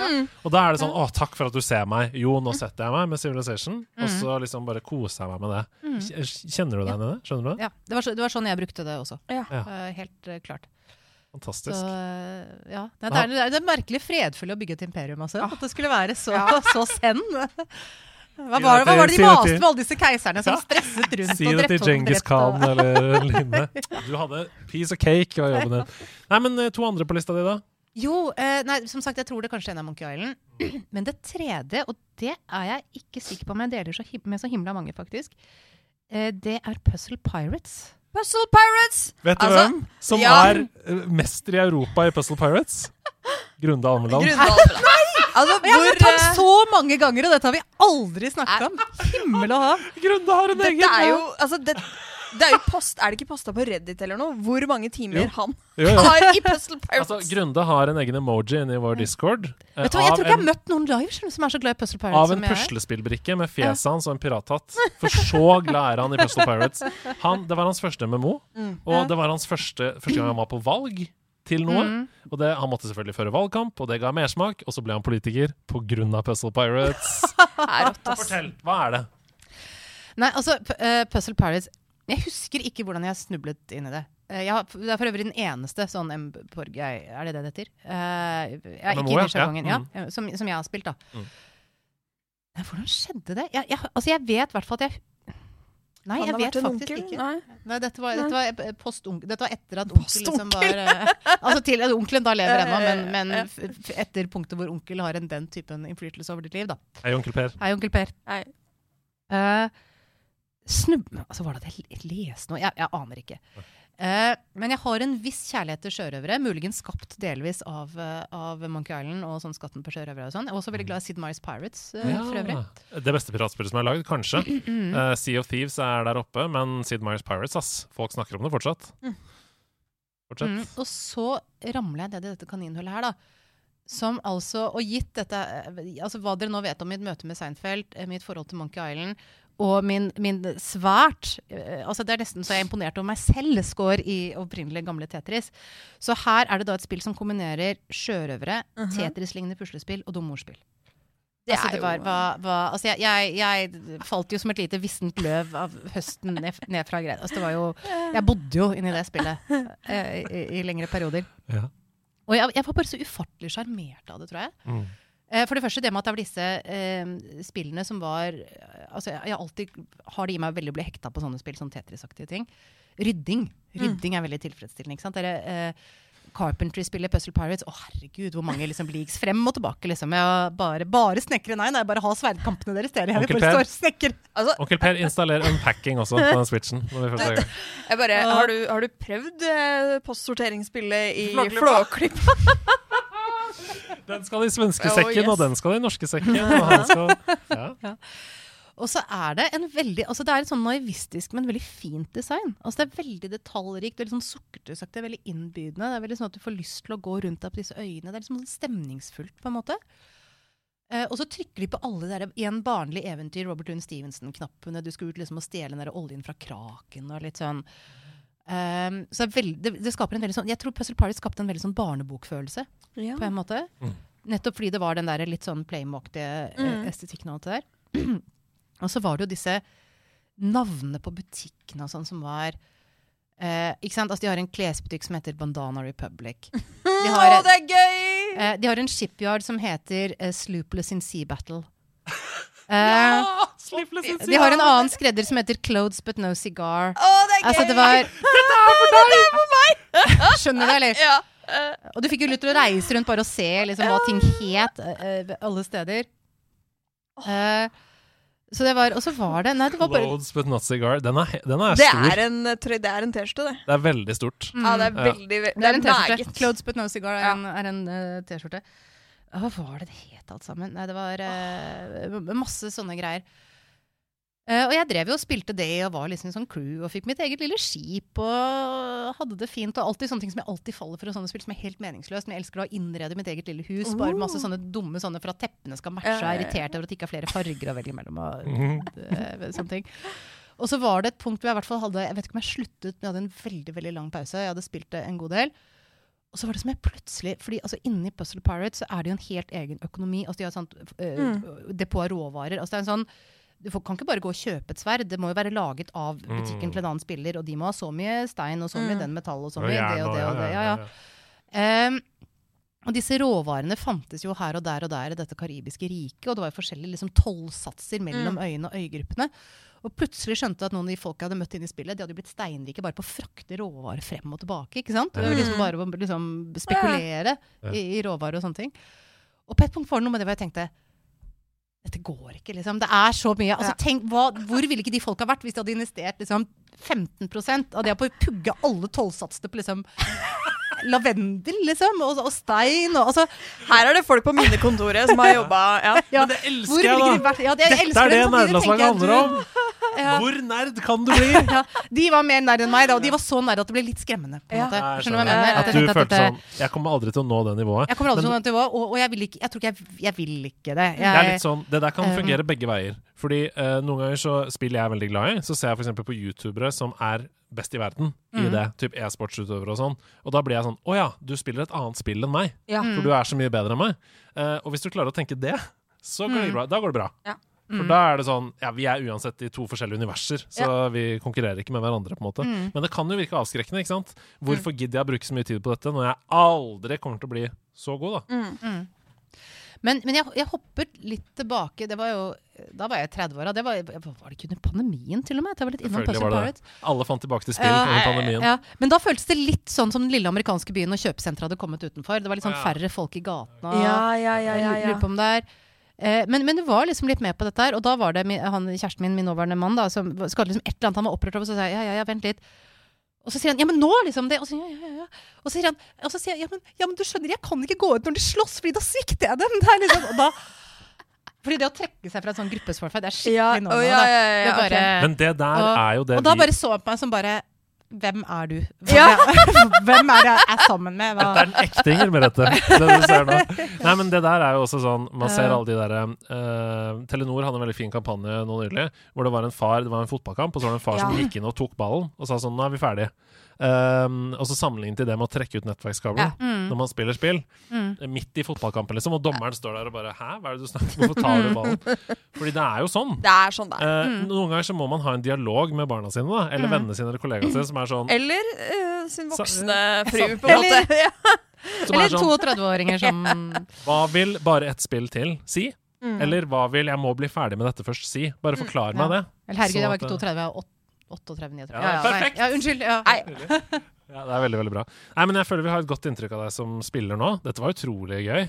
Ja. Jeg har vært på reise eh, i Riven og masse andre deilige mm. pek og klikkspill. Og ikke minst Civilization. Du må sende melding til Grunde Holmen. Ja, må, ja, må, dere må Puzzle Pirates? Pirates spørsmålstegn. Men er det, er det mange som spiller det i Norge? Jeg tror, jeg, fordi når, jeg sier, når du sier om Grunde Omland, jeg tror seriøst jeg aldri har møtt på en annen fysisk person. Og vi person. hadde aldri hørt om det før han fortalte om det. Nei. Så Men jeg vil jo tro at det sikkert er et community inne på nerdelandslaget-discorden nå. ja, selvfølgelig. Eh, Garantert. jeg ser at det popper opp chatmeldinger i sidesynet her fra folk som skriver 'jeg har spilt det'. Så Ja. det, er nok, det er nok nordmenn som spiller det. Vi må videre. Du, Mm. du spiller ikke noe nå om dagen. Ikke mobilspill, ikke brettspill. Ikke noe Er det noe sånn Jeg spiller de uh, språkspillene til eh, New York Times. Wordle og Ja! Det er jo Eh, definitivt et spill. Ja, det er sant. Man glemmer, tenker liksom ikke på det som Jo, det er faktisk et lite, ritual jeg har Ja. hver morgen. Wordle og, og den Connections. Og det er de fire Wordle Connections, det lille minikryssordet og den derre Spelling Bee. Det er sånn eh, dine daily quests. Ja, litt sånn Det er moro! Det er veldig kult! ja, Litt sånn begynne dagen, på en Ja. måte. Kommer på jobb bare. Det tar ikke så lang tid. Så en liten kaffekopp og så gjennom Det er en der. fantastisk måte å sette i gang hjernen på. Mm. Mm. Veldig, veldig bra. Eh, fordi man ønsker jo ikke å begynne på det tyngste, liksom. Den der lange mailen med fire paragrafer hvor du helst må Det, det er bedre å begynne med en Wordle. Ja, men jeg er ikke abonnent, og heldigvis fordi Spellingby den ville liksom drept meg. Jeg ville sagt hva, hva, hvor er det neste ordet? Jeg vet det finnes, jeg vet det. Altså, jeg, ville, jeg merker at den bare allerede, så når det kommer sånn nei, nå har du nådd det nivået, så nå må Mm. du abonnere for liksom, og det er bare Mm. åh, jeg skal aldri, aldri over den terskelen. Bak der ligger bare svovel og ild, liksom. Det er uh... Men du har et sånn avhengighetsgen. og, ja, men, men interessant nok egentlig ikke på noen andre ting. Litt sjokolade, liksom, men ikke Ja. Nei, ikke på Men rus det eller ikke, Nei, altså sånne ting som folk å, det, det Skulle gjerne hatt det på trening. Aldri. Nei, nei, nei. Eh, og, men akkurat Kultur selv- er din ja. avhengighet. Ja, men altså Mm. selv Civilization, som jeg elsket, men jeg var ikke liksom avhengig av det. Nei. Men Tetris og de småspillene, det er et eller annet i liksom Åh, men det er det derre Og Eh. det er en belønn... Det, det trigger Ja. belønningssystemet ditt på en helt annen Sånn som Tetris gjør jo det. ja. jeg, var, jeg var veldig langt på Candy Crush også. Mm. For jeg bare måtte bare Ja. gjøre meg selv en tjeneste og slette det. Du så scoren til Erna, og så bare wow. Her, her er det ikke noe vits å prøve. Ja, men jeg tror det er det, at det er en genuin følelse av mestring, men samtidig er risikoen veldig lav. Fordi om Ja. du ikke får det til, så er det ingen Nei, det. Så det er en stressfri sånn utfordring, da. Ja. Det er veldig sant. Eh, Bortsett fra selvfølgelig at du, du bruker tid du kunne brukt på andre ting. Og der har du litt sånn at det må man ikke tenke. Det, det, det må bare drite Jo, tenke men på. jeg må tenke det nå. Okay. Når jeg har en toåring, Ja, for må det skjønner jeg. Ja. For da, da, er, da tiden er blitt en veldig begrenset ressurs, så Men der må man velge Vi gjentar det som, uh, det som sies til kjedsommelighet i denne podkasten. Time you enjoyed wasting is not wasted Ja. time. Mm. Enjoying. Ja. Nei. Nei, time enjoyed wasting is not a waste of time. Ja. Uh, det er veldig viktig. Ja, da, når det er sagt, Jeg står veldig for spillingen min, altså for Civilization og sånn, men det er liksom hvis du er i en situasjon der det er den tingen Mm. eller den tingen, så må man jo bare rett og slett Ja da, jeg er helt enig. Det. Det er viktigere at toåringen får mat, f.eks. Ja. Det, helt, stoppe en stund før barnevernet kommer, tror jeg er en grei, grei leveregel. Der har vi leveregelen. Uh, yes. hva spiller du om dagen? Um, du, kan vi snakke om det spillet vi har spilt, begge to? Ja, det kan vi gjøre! Ja. Vi har spilt Helldivers Divers 2! Yay! Så kule er vi. Vi spiller skytespill, nemlig. Ah. Men vi har ikke spilt det sammen, Vi for vi fikk ikke kalenderen til å gå opp. Jeg Men- spilte det sammen med Stian i går. Ja. Ja. Uh, og helt kort, uh, Helldivers 2 er uh, et slags Jeg vil kalle det et slags Borderlands. Ja. Eh, Det, Minner i hvert fall litt om det. det minner om Warhammer, uh, Darktide og Vermintide og sånn. Vi snakka litt om det. Jeg spilte det litt i fjor. Som Mm. er et sånt Det er et skytespill. Du er på jakt etter lut og bedre eh, Mm. utstyr, bedre våpen, bedre rustning osv. Men det var ikke noe lut i uh, Var det det? I, i, jo, det kommer, skjønner du. Ah. I, eh, i dette Helldivers.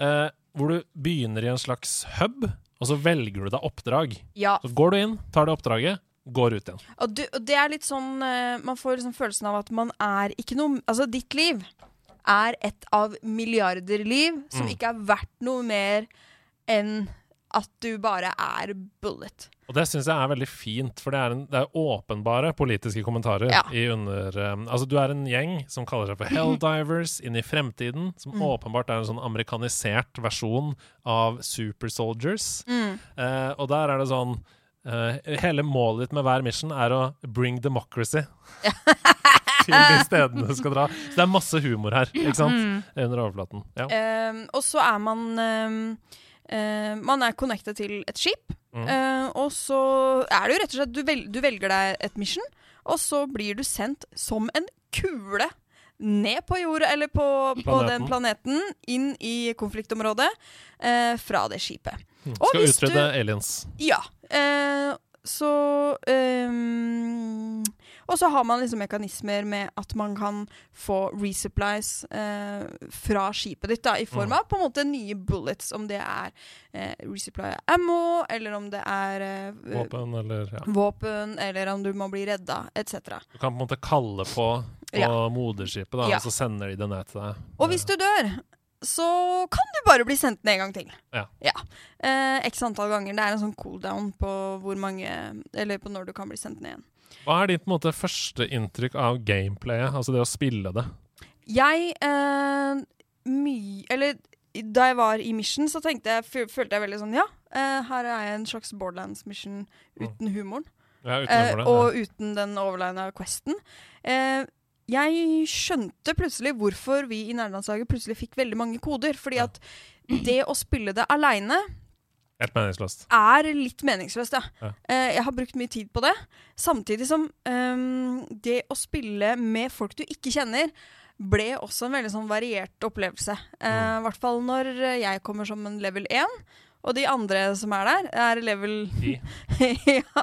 Og bare blurr, Blub, Og jeg på en måte jeg, uh, bare henger med, liksom. Ja. Uh, og greia er jo også at uh, hvis du er med et team, og du dør, så må jo de resurrecte deg, eller be om reinforcements, da. Altså sørge for at du får bli sendt ned igjen. Mm. Og hvis de ikke gidder å prioritere det, så Ja. er du død, da. Da ligger du der, Da er du liksom. død, og da ser du på de andre spiller. Ja. Um, jeg har opplevd uh, at at eh, eh, ja eh, andre har liva gamet. Uh, fordi jeg har kanskje brukt litt tid på å Ja. finne ut av Hva hvordan du skal og sånn. ja, hvor, nei, eller hvordan de tinga fungerer, og bomma litt. Kan ha kasta noen granater. Og de andre. Det Ja, det var ikke, ikke med vilje! jeg drepte også Stian i går, nemlig. Ja. For det er en, en greie i dette spillet, at det er ikke friendly fire. Altså det er Hvis du skyter på en lagkamerat, så går det ut over Ja. vedkommende. Uh, som i mange andre TV-spill ikke Ja. er en ting. Her Ja. er det det. Her er det det. Så det å sette opp en turret, for eksempel, som Ja. automatisk skyter, det kan være farlig. Ja, det, det kan være litt dritt. Uh, og det å f.eks. kaste en granat uh, kan være ja. Eh, man må liksom kommunisere. Nå kaster jeg en granat den veien, ikke ja. gå dit. ikke gå dit. Og litt sånn 'unnskyld, nå, nå drepte jeg deg', men jeg men jeg, jeg resurrecter deg, så ikke bli sur, på en måte.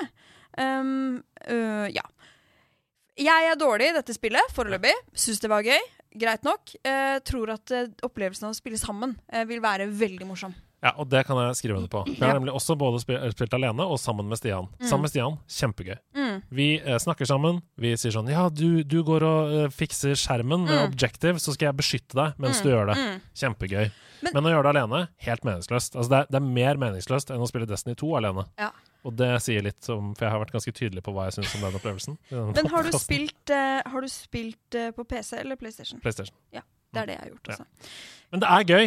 Jeg bare, det var noen, for Vi streama det inne på Discord i går, og så var det noen som sa er det gøy mer enn tre ganger. Det gjenstår å se. Det gjenstår å se. Og så tenker jeg at uh, det her er vi inne i Altså, skal dette være en slags MMO? Eller hva, hva skal det være? Og foreløpig så har jo spillet vært ganske tomt.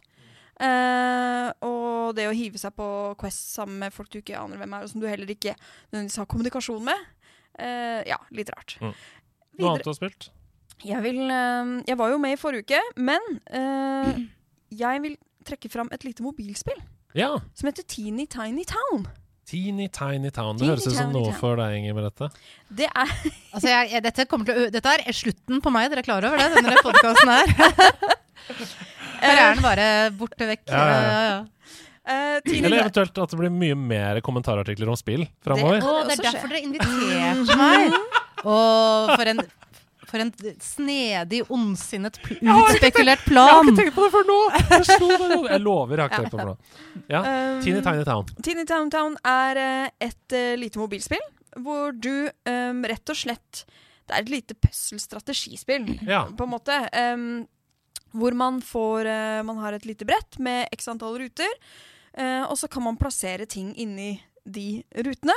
eh, om det er en liten busk eller en stein eller uh, og så videre. Og hvis du kombinerer tre busker, så får du et lite tre. Kombinerer du tre trær, så får du et lite, et lite leirsted. Ikke sant. Det er som Merge Dragons, disse Merge-spillene. Men det er mye mer et puzzle. Ja. Fordi at eh, eh, Du må liksom tenke deg om, da. At Om du eh, går tom for ressurser, for eksempel. du går ikke tom for ressurser, men du går tom for space. Å ja! Ja. Sånn at um, du må liksom tenke deg om sånn at du plasserer ting riktig. Sånn at Derfor er det ting en teeny tiny town. Yes! Så hvor lenge klarer du å holde ut på f.eks. Eh, fem ganger fem ruter? da? Og da må du liksom tenke deg om OK, Mm. putter jeg en busk der, en busk der OK, nå merger det sammen. Og så Ja. hvis du plasserer det feil, så driter du deg ut, for da har du plutselig brukt eh, Da er det kanskje bare to spaces igjen i ene hjørnet som du ikke Altså, du trenger tre space for å Mm. Det høres ut som en slags litt mer utviklet versjon av Suka Game, som var et av mine absolutte favorittmobilspill fra i fjor, som er det samme. Når du går tom for space etter merging, da er game over. Ja. Du hadde noe på hjertet? Det er bare at jeg lurte på om det da Men blir det ikke da Kan man da unngå Altså Selv om man spiller veldig bra og får liksom maksa plassen, så høres det ikke ut som det blir helt estetisk tiltalende. Hvis du skjønner hva jeg mener. Er det et hensyn i det hele tatt? Hvis ting blir veldig Eh, støft? Og ja, det er veldig få ting som du kan uh, merge her. Sånn Mm. at det er um, du, jeg har ikke kommet dit. Altså, Rotete kan det bli, men Mm. jeg, altså, jeg har ikke klart å holde ut mer enn liksom, fem minutter på et brett. på. Jeg, jeg, jeg er ikke så flink. Eh, Altså, jeg, jeg spilte Rollercoaster Tycoon for blomstenes skyld, nemlig. Det er derfor. Ja! Dette her er noe helt annet. Det er så bra at Rollercoaster Tycoon, fader, for et bra at du sier at du ikke er noe gamer, og så kommer det fram. Kommer! Rollercoaster Tycoon og ja, Her er det masse greier. Rollercoaster Tycoon, for et fantastisk magisk spill. Helt utrolig. Uh, jeg spilte Theme Park World enda mer, som var på en måte barneversjonen av Mm. Rollercoaster Tycoon. Kjempegøy. Kjempegøy. Men eh, Teeny Tiny Town, et uh, sånt uh, mobilspill som er gratis, det ser veldig pent ut, er et veldig lite spill. Det er mer en, en brain puzzle Mm. enn det er et uh, strategispill. Eller sånn Altså, det er en brain puzzle, på en måte. Ja. Mm. Jeg har lyst til å dra fram to spill før vi skal gå videre i denne podkasten. Jeg har spilt et spill som heter Dordogne, som er en region i Frankrike. Kjenner du til den? Dordogne? Ja, det er veldig vakkert der. Det er, veldig sånn, som, er, det ikke sånn, sånn dal med elv og masse gamle slott og sånn? Og veldig sånn, ja, som du sier, gamle murhus og sånn. Eh, jeg hadde egentlig bare tenkt å snakke om dette i podkasten denne uka, fordi det dukket opp i Xbox GamePass, og så tenkte jeg wow, dette så veldig vakkert ut. Eh, akkurat som dalen i seg selv. Og så ble jeg så fengsla av det at det fikk sin egen anmeldelse. Så det kommer anmeldelse av Dordogne er senere i podkasten, så det skal dere få høre om. Men ehm, noen ganger så er det sånn at man oppdager et kulturuttrykk, og så er det så unikt. Og det som er så unikt med dette, er at hele spillet er i akvarell. Altså det er i vannmaling. Hver Ah. eneste frame er malt. Uh, og det er veldig, veldig veldig pent. Mm. Så det skal dere få høre mer om etterpå. Så har jeg spilt Foam Stars! Foam Stars. Foam Stars er inkludert i PlayStation Plus. Mhm. Til dere som har det der ute. Uh, og det er basically Splatoon 1. Oh, ja, okay. Så Splatoon, et Nintendo-spill som er på en måte deres take på skytespillsjangeren. Mm. Online skytespill, så stedet, Fordi det er Nintendo, selvfølgelig, så skal du skyte maling. Uh, og, og fordi du ikke skal være så voldelig, så skal du You're a squid now. Du kan bli en blekksprut og dukke ned i malingen, Mm. osv. Uh, Foamstars Altså, Splatoon er en kjempesuksess på Switch. Derfor så har Square Enix og PlayStation tenkt vi må lage vår egen. Ja. Det er Foamstars. Så uh, det er veldig i begynnelsen. Det er jo en helt ny IP, så det er jo der hvor Splatoon var for lenge siden. Mm, mm. Men det er det samme. Det er det samme. Og det er uh, besnærende gøy, altså. Det må jeg bare si. Jeg vet ikke om det er noe gøy uh, etter å ha spilt det tre ganger. Men jeg likte jo Splatoon 3 veldig godt. Jeg Mm. anmeldte det her i nederlandslaget. Og jeg får den samme følelsen av Foamstars. Det er gøy for nybegynnere, og så er det et skill-tak der som gjør Mm. at jeg ser at oi, shit, det er noen som er dritgode ja, her. og, ja, ikke sant. Og det er jeg litt nysgjerrig på. Ja. Det er sånn, kan jeg bli Kan jeg komme meg dit? Eller liksom? spiller de et annet spill enn deg? Ja, det kan Ja. hende. Men det er gøy. Det er forskjellige heroes som har forskjellige ultimates. Mm. Eh, noen kan bli til en svær malingsball og rulle over andre. Ah. Noen kan eksplodere i en kjempestor eh, malingsvannballongaktig ting. Og det handler om å eh, splæsje området i din farge og eh, drepe folk med å sprute maling på dem. Se for deg at noen gjør den brutale versjonen, hvor det er blod, og så kan du dykke ned i blod. blod. Ja, det, det høres ut som Doom. Ja, det er Doom. stemmer det. Nei, så Foamstars, absolutt verdt å sjekke ut hvis du har et PlayStation-abonnement, fordi det er jo inkludert i PlayStation Plus. Og hvis du syns uh, ah, Sørens Platoon ser spennende ut, men jeg har ikke Nintendo Switch, da er det et spill for deg. Vi skal videre i nederlandslaget, og nå skal det utelukkende handle om deg, Inger Merete. Ha med, ha med dag. Hei, ha med, ha med dag. Ha med ting etter ditt behag. For det er ha med dag, Inge Merete. Merete, Hva har du med det? hva har du med Vi vet det ikke ennå, men vi er veldig spent på å se. For Inger Merete, hun er nemlig en kulturjournalist. Men hva har hun spist? Før denne ha med dag. Nå skal vi se hva hun har oppi lille matpakka si. Er det bare frukt, eller er det bare sild? Hun har kanskje møtt Jerry Seinfeld, men jeg tenker likevel Hva har hun tatt med seg hit i kveld? På denne ha med dag. Hva har du tatt med deg? Wow. Uh, det var enda mer imponerende enn researchen, faktisk. Og det trodde, det, det var, den var ganske høyt oppe allerede, vil jeg si. Ja, så bra. Nei, vi, vi gjør så godt vi kan. Det er ikke så ofte vi høster skryt for greiene der. Dere vet hva som er mottoet til ekskursjonspelotongen i Blackadder? Å nei. Blackadder. We aim to please. Ja. Oh, det er det. Men det er jo det vi gjør i ja, dag. det er det, vet We aim du. to please. Hva er det du har fått med deg? Um, to ting. To ting. Det ene er litt sånn vagt spillrelatert. Mm -hmm. det. Eh, det andre er ikke det overhodet. Mm. Uh, dette er William Shakespeares uh, kong Henrik den femte. Mhm. Eh, og jeg er eh, Shakespeare Altså våre nerderier. Shakespeare er et av mine Ja. nerdefelt. Jeg siterer lange remser på engelsk i fylla. Nerd liksom der. Våkner dagen etter og bare Åh, Gud, igjen, liksom. Uh, Men det er så gøy, fordi det, har, det sto også om det her på internett. Mm, Ja. Shakespeare-nerd og eh, Ja, Det var bare i gode ord, da. ja, det var det, de, de andre er for høflige til liksom, å skrive det på internett, får vi håpe. De som har tenkt andre ting. Ja. Eh, men for min del startet det da jeg var ti, tror jeg. Og da kom Kenneth Branaghs eh, 'Much Ado About Nothing' på kino. Ja. Med Emma Thompson og han selv i hovedrollen. Og jeg var helt sånn Altså Jeg syns bare det var så vakkert. Det var så velformulert, det var så nydelig. det var så, Alt var bare så, så fantastisk. Mm. Eh, og begynte å lese masse Shakespeare og lære meg ting utenat. Altså, hvor nerd er du da? Du tenker at nei, jeg vil ikke gå rundt og ikke ha dette sånn helt present. Jeg vil kunne trekke det opp av meg enhver tid. Så jeg ikke har pugget sonetter og sånn for å, for å Når du var gjøre ti det. år? Fra 10 til 15 Og det er, det er, det er heftig. Ja. Det er spennende. Det er derfor du er her. Fordi Ja. du er jo nerd. Veldig. det er- vi prøver høyeste grad. Vi prøver å heve det begrepet til noe, en veldig Hva heter det? Storhetstittel? Nei. Ja. ja. Ja, men vet du hva, den, den skriver jeg gjerne under på. Og jeg, jeg kan jo gjerne si det at min jobb og de ting jeg har gjort i livet og fått Altså, utrolig mye av det er basert på ting jeg har vært nerdet opptatt av. Mm. Og det, det som i hvert fall er min erfaring, det kan hende annerledes nå, fordi nå er det som, Du kan finne andre som nerder på det samme overalt. Det kunne jeg Mhm. ikke hadde jeg vokst opp så lett, da.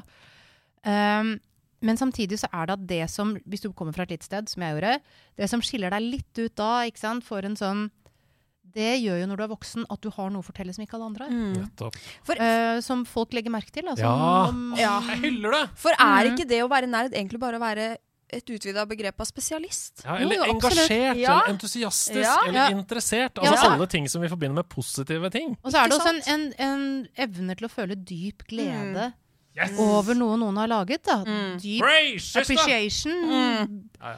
Eh, men, men det jeg lurer på meg selv altså det, Jeg kan godt tenke meg, siden dere har, har et prosjekt som dette, da.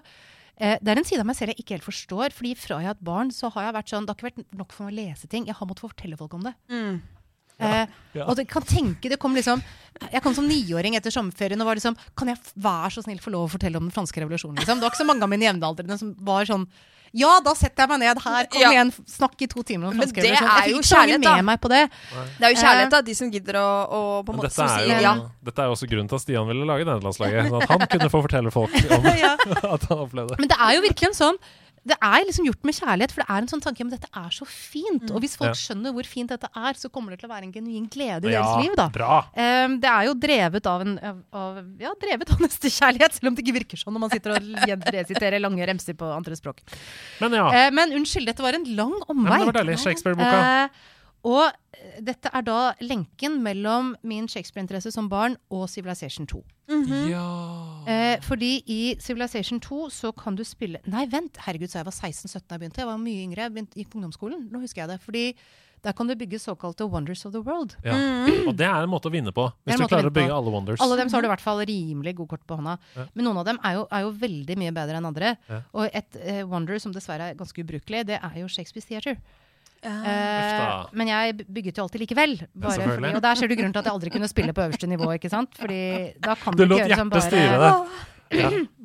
Jeg var liksom den der bortskjemte eh, despoten som satt der og nei, nei, vi bare har litt poesi. Kom igjen, gi meg, gi meg litt poesi. Ja, Sånn type, sånn type hersker var jeg, da. Eh, men hvis du da bygget Shakespeare Theatre, Ja. Så fikk du kom, altså, og Mange av disse Det kom sånne små videosnutter for alle disse uh, miraklene. da. Mm. Uh, og noen av dem var liksom veldig sånn du-du-du, musikk, og det var liksom masse bilder etter hverandre som viste liksom hva Leonardo da Vinci gjorde.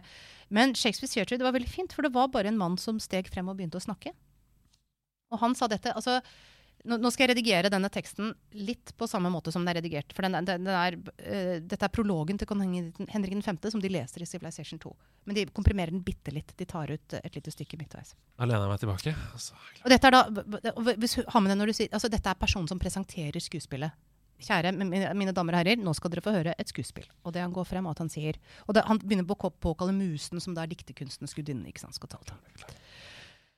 Oh, for a muse of fire that would ascend the brightest heaven of invention, a kingdom for a stage, princes to act, and monarchs to behold the swelling scene.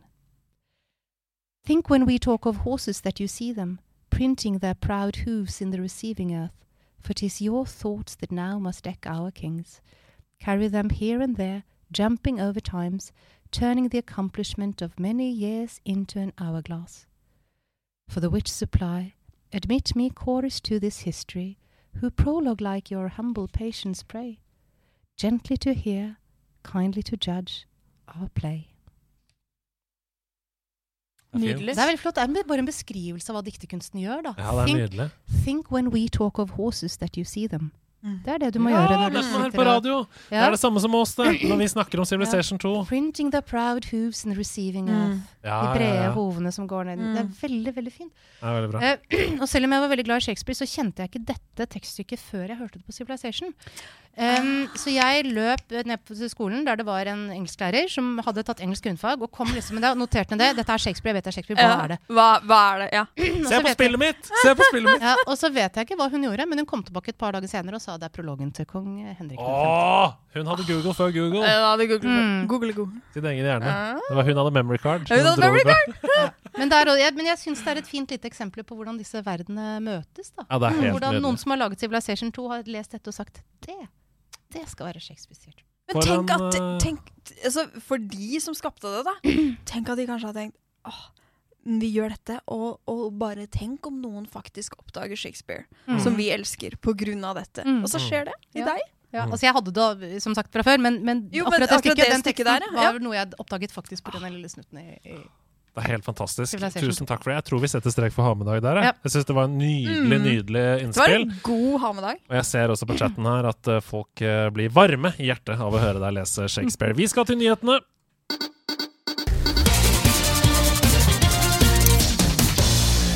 Oi, Sava! Ser det? Mitt navn er Andreas Edemann, og dette her, det er Nerdnytt. Vi skal først innenriks til en ordentlig gladsak fra gamer.no, for norske Thomas Lund, utdannet innen spillutvikling fra NTNU, har i lengre tid puslet med tanken om å lage spill, og i 2023 så var tiden endelig inne.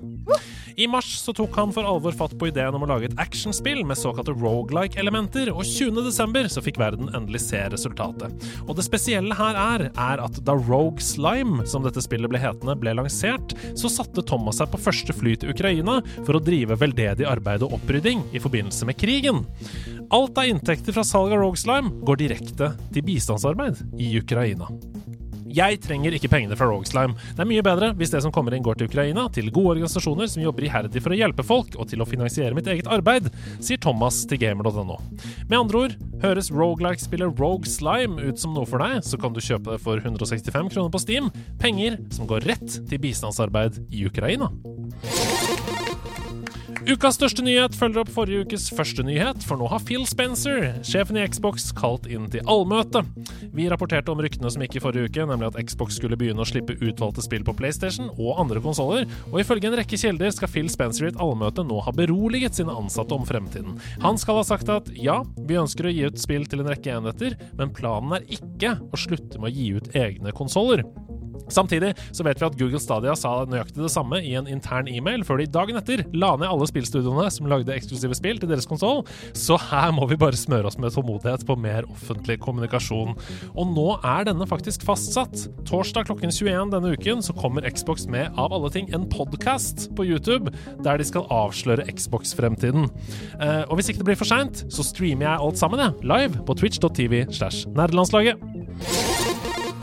Piratspillet Skull and Bones har endelig vært ute i åpen beta denne helgen, og reaksjonene er overraskende positive på det vi har sett hittil. Spillet har gått gjennom et aldri så lite utviklingshelvete de siste ti årene, men er nå altså rett rundt hjørnet. Men på overflaten så ser dette ut som et Game as a Service-spill, altså et spill som skal få kontinuerlige oppdateringer etter hvert som tiden går. Og de koster tradisjonelt en liten sum, eller ingenting, ettersom betalingsmodellen handler om mikrotransaksjoner via Battle Pass og andre kosmetiske ting.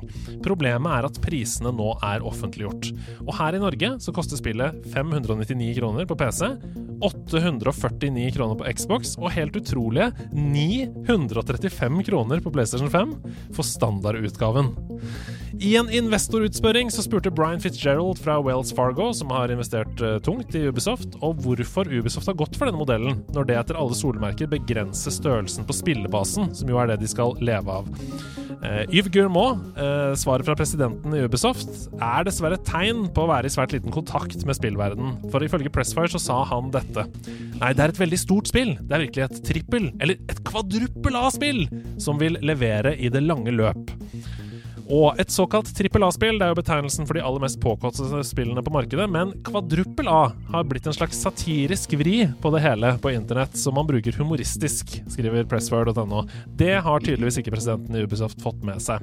Uansett så kan vi jo alle være enige om at å betale nesten 1000 kroner for Skull and Bones, det går ikke an. Og at vi med sikkerhet kan si at dette er en fullstendig feilslått strategi som kommer til å sørge for at spillet flopper på PS5. Disney kjøper en andel av Fortnite-skaper Epic Games for 1,5 milliarder dollar! Sier eh, Eller 15,6 milliarder kroner, da. Det melder de to selskapene i en pressemelding. Prosentandelen er ikke kjent ennå, men Presswire.no de har gjort regnestykket. For tidligere så har Sony brukt rundt 1 milliard dollar, altså 10 milliarder kroner, på å kjøpe 3% av selskapet. Så dersom selskapet fortsatt er verdsatt til det samme, så ligger eierandelen nå på rundt 5% Disney og Epic de har lenge hatt et samarbeid gående som har gjort at en rekke Marvel-helter f.eks har dukket opp i Fortnite. Det blir det nok langt mer av i fremtiden. Moderselskapet til From Software, Kadokawa, de har bekreftet i en rapport at mens utviklerteamet for øyeblikket jobber hardt med Elden Rings delelse, som vi vet at mange ser fram til, så er det fortsatt ingen utgivelsesdato å dele. Det står i rapporten at flere tiltak for øyeblikket er underveis for Elden Ring, inkludert utvikling av store DLC-er, for å maksimere spillets levetid. Så det er det vi vet om den prosessen. Selskapet Tencent kjøpte lisensrettighetene til Elden Ring fra eieren From Software i 2022, og utvikler nå angivelig en mobilspillutgave av spillet. Kilder sier at utviklingen av prosjektet har vært treg, men at målet er å gjøre mobilversjonen av Elden Ring til et free to play-spill med mikrotransaksjoner. Ikke ulikt Genshin Impact. Og den versjonen av Elden Ring, ja, den kan få brenne i helvete. Vi skal til været. I værmeldingen så er det duket for to nye storspill, og først ut så har vi da Skull and Bones. Dette kvadruppel A-spillet til Ubisoft, inspirert av båtkampene i Assassin's Creed Black Flag. Syns det er interessant at det fortsatt er piratspill som kommer etter ditt Monkey Island-eventyr. Over, Overhodet ikke. Pirater er alltid sexy.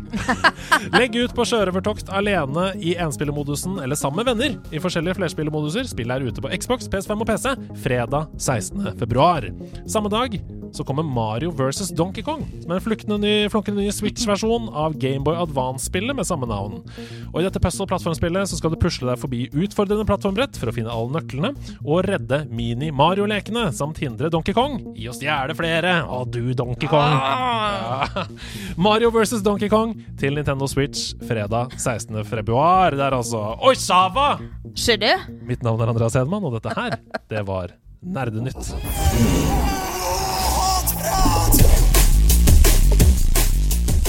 En helt ny spalte denne sesongen. Den heter Hatprat, og det er like enkelt som det er genialt. Det er vinneren av Norske spaltenter, en konkurranse vi kjørte forrige sesong. Det er en dere, fantastisk spalte. ja, der dere skulle sende inn spalter til oss, og vinneren ble altså Hatprat. Eh, der leser jeg hatkommentarer om et spill. Og så skal vi slå hodene sammen ikke sant? Ja. og gjette. Vi må prøve å finne ut av hvilket spill det er. Hvilket spill det er vi snakker om. Dette høres ut som det er over mitt lønnsnivå. Som, Eh, ja, vi får se. Vi får Ja. se. Dere får prøve å hjelpe hverandre. Ja. Eh, Bruk ekspertisen. Vi har, det er to spill vi skal fram til, og hvert spill har to kommentarer. Så okay. den første kommentaren er vanskelig, og så kan dere prøve å gjette, og så blir det litt lettere på neste. Her er første oppgave, og her kommer første kommentar. Hvilket spill er det jeg snakker om her? Yeah, I'm not gonna finish this game. After your 20th time of being stuck on a puzzle for 30 minutes, looking up the answer, and realizing you never would have solved such a ridiculous puzzle, the enjoyment of the game is lost. Altså Gi denne en britisk aksent, så er det meg mens jeg spiller Riven, liksom. Eh, Oh, I'm not going to finish this game. bortsett fra at jeg da ja. Men uh, er det så dumt, da? Kan det være Riven? Er det valgt ut? Men altså, eh, hvis, hvis dette er valgt ut med utgangspunkt i min spill-CV, så kan det være Riven. Men eh, jeg tror ikke jeg så narsissistisk jeg Altså- at jeg, jeg tror ikke hele dette studioet er et sånt solsystem som kretser rundt meg. Det kan man jo ikke tenke. Det er det, vet du. Eh, velkommen til Ingrid. Nei, men, men altså, foreløpig så tenker jeg Her er jo OK, det er et eller annet frustrerende puslespill. Kan det være Det kan, det kan ha vært Vogue Monkey Island. Det kan ha vært um... Realizing you never would have solved such a ridiculous puzzle, skriver da vedkommende her. Ja. Så det, Ridiculous det er puzzle. åpenbart at ikke, disse puzzlesene er ikke åpenbare. Nei. Høres ut som Riven Return var, Riven var, ja, jeg syns at Riven var van Jeg husker Ja. Riven som vanskeligere enn Monkey Island. Altså. Ja. Eh, fordi der er det veldig sånn at du må bare treffe riktig. Monkey Island så kan du liksom bruke den tingen med den tingen. Mm. Ja, Mens, mens Riven så måtte du Hm, er det noe Går det an? Ja. Er det en stein det går an å skubbe litt på? Hva er det? Altså, det var mer sånn Men uh, um, har man uh, Jo, men du veit hva? Jeg syns vi skal gå for den, jeg. Kan vi gjette Ikke få neste clue? Kan vi få gjette på Dere kan begge? gjette. Det er helt konsekvensløst konsekvensløst å gjette. Så bare gjett i vei. Okay, da, jeg syns vi skal låse den. Rete Riven. Ja. Det er feil. Det er dessverre feil. Her kommer er nummer to, og så får dere se om dere skjønner det da.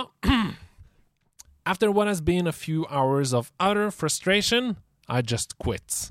At that point, not even Gladys himself, Å, Ah. Grim Fandango! not even Gladys himself coming out of the screen to give me a blowjob would make up for it. Å, Er det Grim? det er Grim Fandango.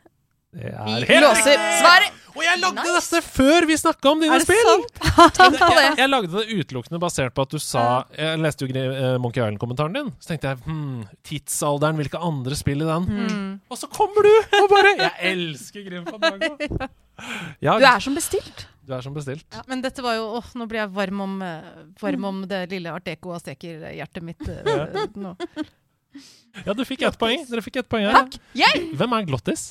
Glottis er Han er en slags Hva er det han er? Sånn jordvesen? Eller sånn. Han er på en måte det humoristiske sidekicket. da liksom, Ja, Comic relief ja. i Grim Fandango, For Mhm. alle de andre er sånne sletter, og så kommer han og er liksom et sånt Comic Relief. eh, Ja, sånn litt sånn jordmonsteraktig, vettaktig, som liksom velter alt. Og er liksom, han er den som kjører bilen og liksom har brekkjern og liksom gjør sånne ting. Men er selvfølgelig en, en stor på en måte Spillet store bamse med et hjerte Ja. som vi elsker. Ja. Mm. Som vi elsker veldig høyt. Og disse kommentarene lå under da Grim Han er Fandango. sjåføren. Sjåføren er han. Ja, sjåføren. De lå under Grim Fandango remaster på, på Steam. Vet. Her er neste oppgave. Mhm. Første ledd. Ok. This game is mostly shit. They stuff the levels full of bullshit traps and fake difficulty. Far, far too many times I plummeted to my death, wishing I'd been controlling Earthworm Jim or some other better programmed character through levels that were designed by someone who isn't going to hell for clearly hating humanity. Åh, er dette noe sånn derre Er vi på noe sånn Metroidvania-aktig greier her nå, da? Pass, pass, pass. pass. Mm. Det som sies her, er jo at det er dritvanskelig, da. Ja. Mm. Det er jo det det sies. Ja, ja. Og at det er noe du opplammer plummeting, altså at det er en sånn du Ja. mm. Du faller ned, ja. Um, Og at uh, skulle ønske karakteren var Earthworm Jim, fordi det har vært mye lettere å kontrollere. Åh, jeg vet det, jeg vet det, jeg Vet vet du det. det? Ja, Hva da? det er uh, Getting Over It. Å ja, Getting Over It, ja. With Bennett Foddy. Mhm. Det er et spill som handler om at du skal um, klatre til toppen av et fjell. Mm. Og hvis du gjør en liten feil, så faller du helt ned til båndet. Ja, det hø høres jo rimelig Jeg ut. syns jo det høres på- riktig ut. Ja, da svarer dere det? Ja. Det er fullstendig feil. Mm. Men det passer jo veldig bra. Ja, det passer veldig bra. Her er andre ledd. Følg med. -hmm. The game is borderline impossible. Michelle Ancel do not deserve your money for this piss poor effort. I feel like he painted me a beautiful picture, but I'm only allowed to look at it while he punches me in the kidneys repeatedly. Men Men- Og Michelle Ancel er skaperen her. ah, det, jeg er, er så vakkert. dårlig på de greiene der. Vakkert, men dritvanskelig. Ja. Her er jeg dårlig, vet du. Jeg, jeg er ikke noe god på Jeg vet ikke hvem Michelle Ancel er. Nei. Det rimer, derfor er det sant. Men Jeg kan det... si at dette er en spillskaper som har sluttet i spillbransjen for å Ja. bli skogvokter. er det et hint? Nei. Nei ok. Um, uh, jeg hadde jo Jeg tenker at vi, vi, vi er ikke i From Software, er vi det? Nei, vi er i plattformland, det kan ja, jeg si. I plattformland. Dritvanskelig plattformspill. Ja. 90-tallet. Fordi jeg hadde Super Meat Boy forrige Hva skal Nei, jeg bare fikk sånne Du så bare på meg. Jeg bare sånn «Nei, ikke, Jeg bare står her. Det er ja, ja, nei, jeg, jeg bare prøver å ja, nei. Ja. nei, det er det pass. Ah, Det er kjedelig å si pass òg. Vil dere ha flere hint? Uh, Dere får null poeng, men har- dere kan få flere hint. Ja. Kjør et lite hint, da. Eh, det er greit for et deg. vesen uten knær. Worm? Uten albuer. Worms. Nei. Det var gøy. Det, Men Worms Har du spilt Worms? ja, jeg har spilt Worms. Fisk. Dette skal vi konkurrere med Mario, bare på PlayStation. Det er Rayman. Det er oh! Rayman. Hæ? Plattformspill, dritvanskelig. Uh, Er det så Jeg har bare spilt Rayman 2, men Ja. er det så vanskelig? Rayman 2 er mye lettere enn Rayman Ja, okay. Rayman 1 er utilgivelig, liksom. Oh, det er util- ja, ok, jeg, jeg har aldri okay, runda det, Nei. fordi det er så vanskelig. Hmm. Det var Rayman. Har du hørt om Rayman? Nei, tror ikke det. Vagt, kanskje. Men er Ja, veldig bra, Worms, altså. bra hattprat, uh, Andreas. Takk for det. Uh, Worms, har du lyst til å legge til noe? Husker du noe våpen som du elska å bruke i Worms? Ja, jeg, jeg husker uh, den Holy Hand Grenade og alt der, selvfølgelig. Jeg hadde også de britiske stemmene, sånn som liksom Tally-ho og sånn hver gang man kaster fra seg et Halleluja! Men man kan my gjøre mye moro med meitemarker. Jeg husker den der danske filmen 'Diskormene', litt på siden av det. Hvor det er en diskorm som spiller rockeband, og så er han for sjefete, og så vil ikke de andre mer. Og så kryper vår liksom, hovedormen etter dem, og så sier han 'Gutter, gutter, vi må lære å krype før vi kan lære å Å, det er en nydelig Det er en nydelig manus! Og med det så går vi videre i podkasten. Anmeldelse i nerdelandslaget. Det stemmer. Det er en anmeldelse. Eh, Jeg har fordypet meg i det franske regionen Dordogne med et lite eventyrspill. Um, generasjonsspill, egentlig, der du spiller som en liten jente og en voksen dame samtidig. Kjempespennende. Jeg lurer på, Er dere spent dere, på å høre hvordan det gikk? Da skal dere få Ta meg inn i akvarellens verden. Jeg skal gjøre det umiddelbart. Jeg skal male et bilde for deg.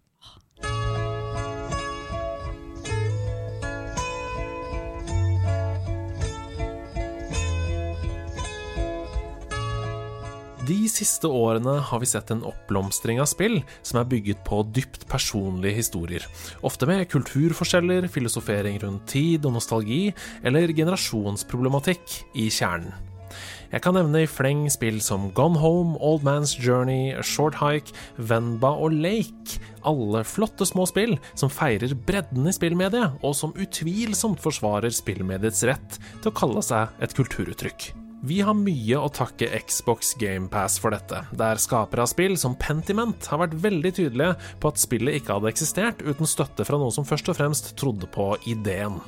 Og denne uka så har jeg spilt et spill som kom ut i 2023, men som jeg verken hadde hørt om eller fant før det dukka opp i mitt GamePass-abonnement. Jeg snakker om Dordogne. Og det er en fransk indie-perle av et spill som er fortalt i så vakker akvarell at øynene smelter. And make sure she brushes her teeth. She's always trying to get out of doing it. Fabrice, I know how to bring up a child. I'm glad she's here with me. We'll have fun, the two of us. That was before we moved to the States. 1982, I think. We have to go now. Mimi? Mimi! Yes? Say goodbye. Dordogne er et eventyrspill som er snytt ut av nesa på alle de andre spillene jeg nevnte tidligere. Du spiller som Mimi, en kvinne i 30-årene som vender tilbake til sin nylig avdøde bestemor Nora sitt tomme hus i den pittoreske franske Dordogne-dalen. Mimis familie de trygler henne om å ikke dra, for av grunner som aldri ble forklart for henne, så har nemlig Mimis far røket uklar med Nora, sin egen mor. Mimmi har få minner av sin egen bestemor, men har vage minner av en sommer hun tilbrakte i huset som barn. Og for å få svar på hvorfor hun føler en dragning mot denne Dordonidalen og det tomme, koselige bestemorhuset, så reiser hun tilbake for å gå gjennom huset før det skal tømmes av et flyttefirma. Og det er her Dordonis fortelling får rev i seilene. For etter hvert som du som spiller oppdager lukter, lyder, brev og bilder i Mimis avdøde bestemors hus, så blir du transportert frem og tilbake mellom Mimi som voksen og den sommeren du tilbrakte der som tolvåring. Du nøster opp i hva som har skjedd, hvorfor du ikke husker, og hvordan relasjonene surnet, og det er det du trenger å vite om den lille, store historien.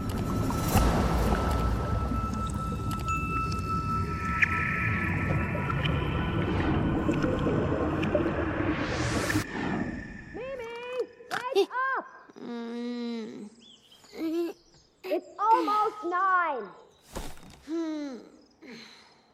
Time for breakfast. Spillet består først og fremst av å snakke med folk, samle på ord, inntrykk, lyder og fotografier, men henfaller også til små, ulike gameplay-sekvenser, ikke ulikt A Short Hike. Plutselig så må du eksempelvis dykke i en elv etter tapt bestikk, du må fange ildfluer i en flaske eller løse ulike puzzles som driver historien videre. Hvert kapittel avsluttes med en sekvens der du skriver inn i en dagbok det du har opplevd i løpet av dagen, og det å forme ulike dikt, det er en underlig terapeutisk sekvens som jeg satte ordentlig stor pris på. Selv om spillet til tider muligens halter litt dramaturgisk, og noe av gameplayet er litt clunky satt sammen, så er stemningen, det visuelle og lydbildet Dordognys klart sterkeste sider. Hver eneste frame av spillet er laget i så vakker akvarellmaling at jeg ganske ofte tok meg selv i å stoppe, ta skjermbilder og bare stå litt i nuet. Og jeg kan ikke understreke dette nok, altså. Hele spillet er lagd i vannmaling, og er noe av det vakreste og mest unike jeg har sett siden Cuphead. Detaljnivået er enormt. Det organiske grafikken gjør at det føles som om hver eneste sekvens puster og lever. Lydsporet er lagd i sin helhet av den franske elektronikaduoen Supernaiv, og er også virkelig noe helt for seg selv. Det er et modig valg å lydlegge et lite eventyrspill med denne musikken, men én pluss én har sjelden blitt tre i så stor grad som det kreativ leder Cedric Babouche har fått til ved å implementere Supernaives ideer også i selve narrativet som fortelles.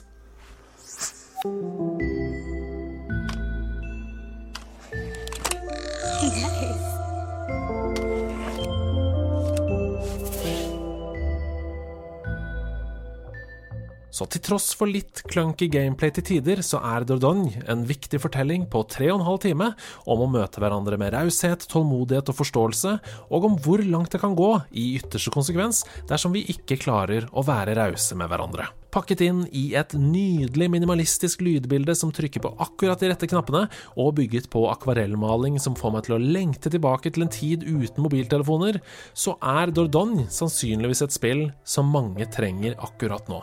Jeg gråt av de siste setningene i manuset, og da kan det ikke være noen tvil.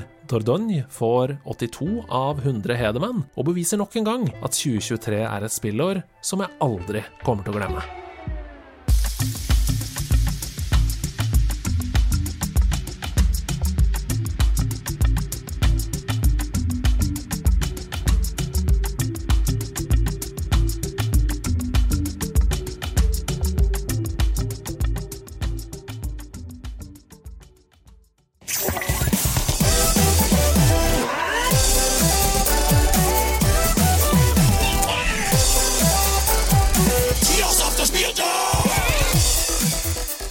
Tears of the Spieldom. Ja, welcome to Stirs of the Spieldom. Denne spalten der du og jeg skal jobbe for å komme fram til et årstall basert på Idas hint. Um, og det kan være hint om ting som skjedde i spillverden. Det kan være spillutgivelser som kom det året. Og det kan være liksom store hendelser. da For eksempel hadde jeg 2003 et, eh, en eh, gang. Og Da snakket jeg om noen spill, men i det siste hintet så nevnte jeg selvfølgelig Irak-krigen. Så her er det en kombinasjon av nerderi på mange områder. Hvordan er du på årstall? Mm, eh, på det gamle Romerriket ganske god. Ok, Eh, med en gang du begynner å bli, med en gang du begynner å bli liksom med sånn hund, siste 100 årene, ikke så god. Nei.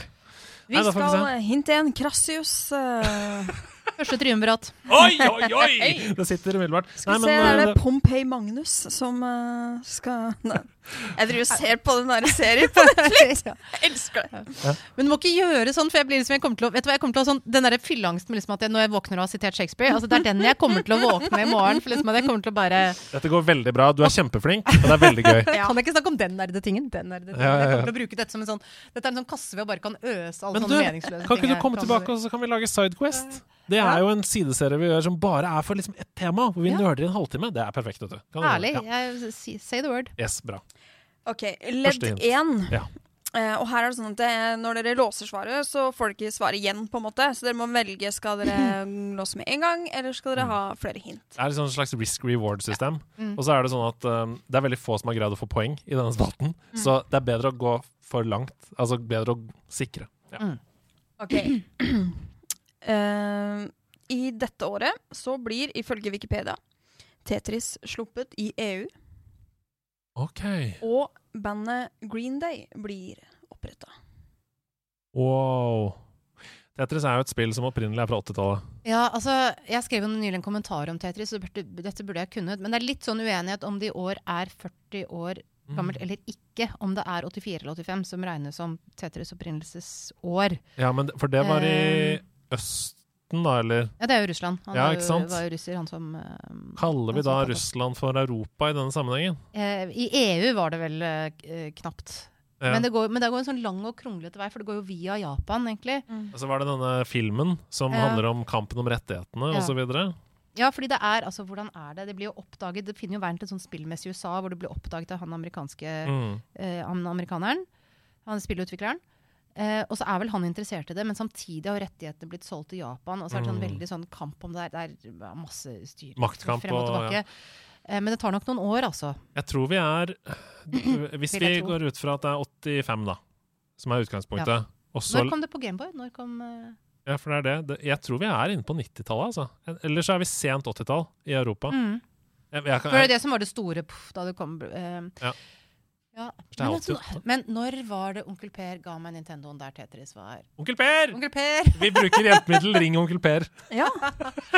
Jeg lurer på om det var rundt 1990. Altså, det må Ja. være en eller annen gang mellom 1985 og 1990. Vi setter en pin i liksom 88 til 90, tror jeg. Og så hører vi neste hint. Mm. For vi kan okay. ikke svare noe nå.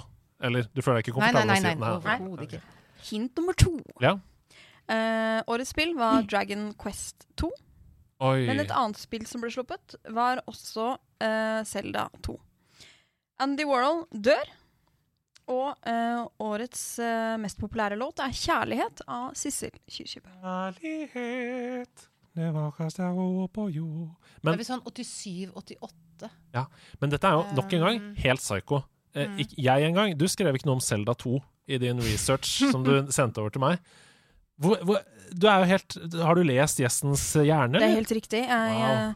Hadde sånn tarot og noe litt forskjellige seanser i går. Men husker du dette, da? Selda 2, når det kom? Fikk du det da det kom? Eller Nei, var det jeg, jeg hadde, det var en venninne av meg som hadde det, så der er, så er det litt sånn Ja. wobbly, da. Um, kan, det var tidlig på, ikke første klasse, men tidlig på barneskolen. Mm. Å herregud, begynte ikke jeg på barneskolen i 87?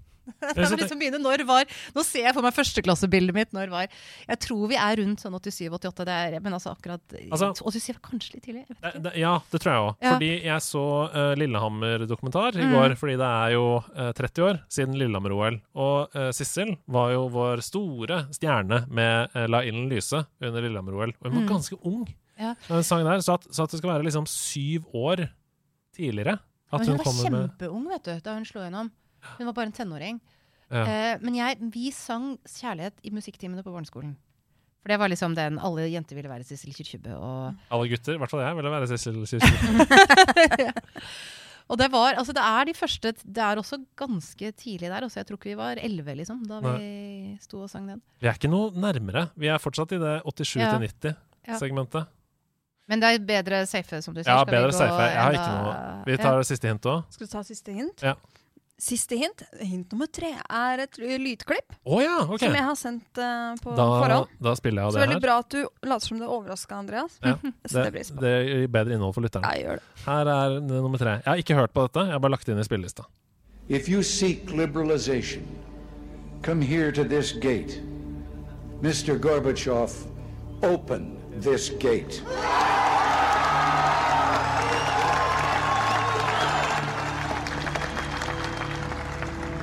Mr. Gorbachev, tear down this wall. Men, men det var jo Men Nei, for Bush Dette er jo Bush senior ble valgt i 88. Mr. Gorbachev, tear down his wall. Mm. Da må det ha vært det, 88, Jeg lurer på om vi skal 88. Var det da muren falt? Nei, muren faller i 89. Ja. Men, eh, han sier, men den talen Ja, men Er jeg jo- bare lurer på om Ida refererer til at muren falt, og ikke at talen kom da. Ok, Hvis det er murens fall, så er det 89. Ja, for det var det jeg tenkte. Ja. Da, jeg, jeg, så, hvis, det er, hvis det er så uh, dypt, så skal Ida få skryt, og så skal jeg få ros på lanken. Ja. Men den talen blir vel holdt før 89? Jeg, jeg føler det er safer å svare bare at det er murens fall vi skal Ja, referere til, og det er 89. Da prøver vi det. Uh... Og så får du kjefte på meg og si Det var typisk mansplaining at du overkjørte meg i dette tilfellet. Kan du si det etterpå? ok, vi kan prøve det. Kan vi se om det var talen eller om det var eh, selve hendelsen. Vi svarer 1989 fordi det er murens fall, ikke fordi talen Mm. bare- For nå får vi kredpoeng, nemlig. Fordi talen var i 88. Ja. Vi svarer 89. Det er feil. Nei. Det er 87. Hæ?! Fordi talen er i 87 av Ronald Reagan. Mm. Du hadde helt rett. Jeg, jeg legger meg langflat, men vi hadde ikke fått riktig med 88. Men jeg syns at dere, dere har veldig mye, god, mye gode resonnementer her. Syns jeg. Åh, det er så Det er mye, mye bra. Hva var det du sa Dere jeg er skulle si veldig til deg? nært. Du sa eh, b- eh, du Typisk skulle si mansplaining. Typisk mansplaining og Overkjøring. overkjøre meg på den måten. Ja. Typisk mansplaining å overkjøre meg på den måten. Well, actually, surely what you're saying is a balderdash of ox's feces, sausage tissue, urine talk. On, on the contrary, no, no, no, no. I beg to differ! De nerde strides. Ja, ja, det er mange ordspill her. Urine talk, for eksempel. da Aksjes fises. Direkte oversatt til ja. Du vet, Mitt favoritt-Monty Python-sitat av alle, det tror jeg er den der når de står i, eh, i, eh, i um, The Holy Grail. Ja. Er det ikke det? Og Michael Payne er den kongen som sier 'One day, son, all of this will be yours'. Mens hun sier 'What the curtains'? Det er veldig bra. Åh, Helt fantastisk. det er fantastisk. Hva er det du har tatt med deg av en kontroversiell mening som du har lyst til å uh... Jeg vet ikke om den er så himla eh, kontroversiell, men jeg har lyst til å ta opp et poeng igjen Å, fra kommentaren min om Monkey Island. Og yeah. det er at Monkey Island ble delvis ødelagt av bedre teknologi. Wow, det er Det er veldig interessant! ja. Hva mener du med det? Jeg Fortell. mener med det at en del av dette vidunderlige manuset i, i Nei, ikke Monty Python, men Monkey Island. Ja, Ja. Uh, Monty Python. Det lignet litt. Nå ble jeg Ja. veldig sånn Jeg tror faktisk du sa Monkey Python. ja, det er, monkey. det. Det, det vi er hører ape og en pytonslange jeg vil gjerne ha som det. ja, Ja. Blanding De har farret seg. De er liksom Ja. en ape som Jeg tror det hadde vært en er bra film òg. Monkey Python. Eh, ja, uh, fordi veldig mye av dette vidunderlige manuset i Monkey Island Mhm. eh, er ganske deadpan. Det er litt sånn absurde ting som egentlig passer best til å si som et litt sånn steinansikt. Ja, At man ser rett i kameraet. For det gjør ja, Guy eller ikke, nei, ikke nødvendigvis rett i kamera, men, men lite med mikk, og liksom, Mm. du kaster av deg forbi farten. Mer sånn. Eh, og den, den grove, gamle pikseleringen, den gir deg det gratis. Ja. Fordi de kan ikke ha noe særlig mimikk. Mm. Og de pausene er noe av det morsomste i det spillet. Eh, At det det. leveres noe, så er det stille, liksom. Mens jeg hater jo, eh, fra dypet av min sjel, eh, grafikken i spill nummer tre. Som jeg vet, jeg vet mange er veldig veldig glad i spillet. Jeg liker det ikke fordi jeg liker ikke uh, looken på det. Mm. Og fordi det blir mer sånn klassisk tegnefilm, karikert, overdrevet. Det blir for ekspressivt, nesten. da. Eh, mens jeg tenker at den humoren, den tonen, den funker mye bedre hvis det liksom er Wow, men dette er jo et mye større tema, egentlig. For det du Mm. sier, er at spill blir dårligere jo bedre de blir. Noen kan det. Jeg tror ikke, det, jeg tror ikke, det, jeg tror ikke du kan si det som en allmenn regel, men, men det eh, i dette med- tilfellet følte jeg at det gikk noe tapt. da. Ja. Men det er jo noe med hva er det som er styrken i det spillet, og der er det kanskje manuset som har vært styrken Mm. hele veien, og så ehm, når ikke det får lov til å skinne gjennom så Mm. enestående som det gjør da, i de gamle spillene, hvor det er en helt annen grafikk. Ja, og Og man heller ikke ja. forventer at liksom, her skal vi ha uh, det visuelle skal underbygge på den måte, måten. Og, ja, det er, det er et helt annet kunststykke igjen. Ja, nettopp det. Og hvis du har en komikk, men du legger for mye vekt på at det er komisk, Mm. da, så Mm. slutter du å være like Nå skal det være gøy, dere. Nå skal vi le. Tre, to, én. Aha. Nesten litt, litt der. Eh, så det, det vil jeg si mulig kontroversiell uh, Men det mening. var jo ganske mange som mente det at med Return to Monkey Island, at, uh, som var veldig imot denne, Mm. hvordan det så ut. Det var jo mye diskusjon Mm. rundt Gi meg den originale stilen, Ja. uh, osv. Eh, hva syns du om Return to Monkey Island? Altså det siste. siste. Ja. Jeg har ikke prøvd det. Nei. Jeg er, som sagt, dessverre er alt det litt Ja, sånn i bakgrunnen. Og, og så har jeg Dette er ingen kontroversiell mening, tror jeg. Men, Men jeg, vi er må holde litt i Å, ja, dette sorry, ja. eh, enn så lenge, fordi eh, det er en annen ting jeg har lyst til å ta opp, og det er at for meg så er jo alltid på en måte ideen og eh, eh, på en måte innholdet, det er kjernen i et spill. Mm. Og når fokuset blir på grafikk, f.eks., eller å pushe mediet videre sånn at det skal se så realistisk ut som mulig, Mm. og så vier man masse ressurser til å jobbe med de tingene, så har spillskapere noen ganger en tendens til å glemme hva det er som gjorde spillet deres så bra. Mm. Altså kjernen, innholdet, humoren, som du sier, da. Eh, at man i stedet tenker sånn For på den, spesielt på den tiden du viser til, så var det eh, teknologiske hopp hele tiden. Så det var nok et press ovenfra også, av liksom eh, sjefer og sånn, om at det må være cutting edge, det må se helt sykt bra ut, det må være bedre og penere og sterkere og mer vibrante farger og sånn. Og så glemmer man å bruke tid på innholdet, da. Altså kjernen.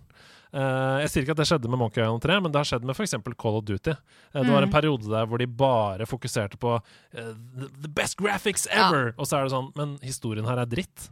Og, så, eh, og da gir det jo ikke deg noe mestringsfølelse eller mening å være den soldaten som er på den slagmarken. Da er det bare Å ja, det er veldig pent, dette her. Men det er ikke noe gøy, eller det er ikke noe innhold. Ja, Det var bare den digresjonen. Men jeg syns vi ser det i flere medier. og Det er akkurat som i musikken også. Altså, eh, du kan ha så bra kvalitet på studio, på innspillingene, Mm. på lyden som helst. Men hvis ikke, hvis ikke hooket er der, Mm. hvis ikke teksten er der, så er det samme. Da blir det bare altså, match det sånn alle Mhm. elsker å hate Sex and the City. Da, da virker det som, særlig filmene de har laget, er Mm. liksom Men skjønte du ikke hva det var du laget? Mm. Ja. Får du liksom lyst til å se altså, Mm. at den nerven og den livsholdningen, og at det var noe der som Altså større format og større mer penger til markedsføring Mm. Ja. betyr ikke noe da. Nei, Altså. det blir bare som uh, du viste til i stad, much ado about nothing. Altså masse staffasje og Mm, ikke ja. noe innhold. Mm. Men hva var den andre meningen, da? Jeg vet ikke om det er hva skal jeg si, det er vel ikke akkurat en brannfakkel, men det er, og med, nå tar jeg bare sånn veldig det forbeholdet at jeg ikke er up to scratch på noe vis. Men det virker som det er en del sånne universer skal vi si, hvor det kommer gode spill, og du spiller så mye klassikere med jevne mellomrom. Nevnte sjørøvere. ikke sant? At Mm. mange, jeg vet jo at mange snakker med kjærlighet om Sid Myers Pirates. og eh, Det er en million mm, andre verdenskrigsspill, selvfølgelig. Masse fantasy, masse.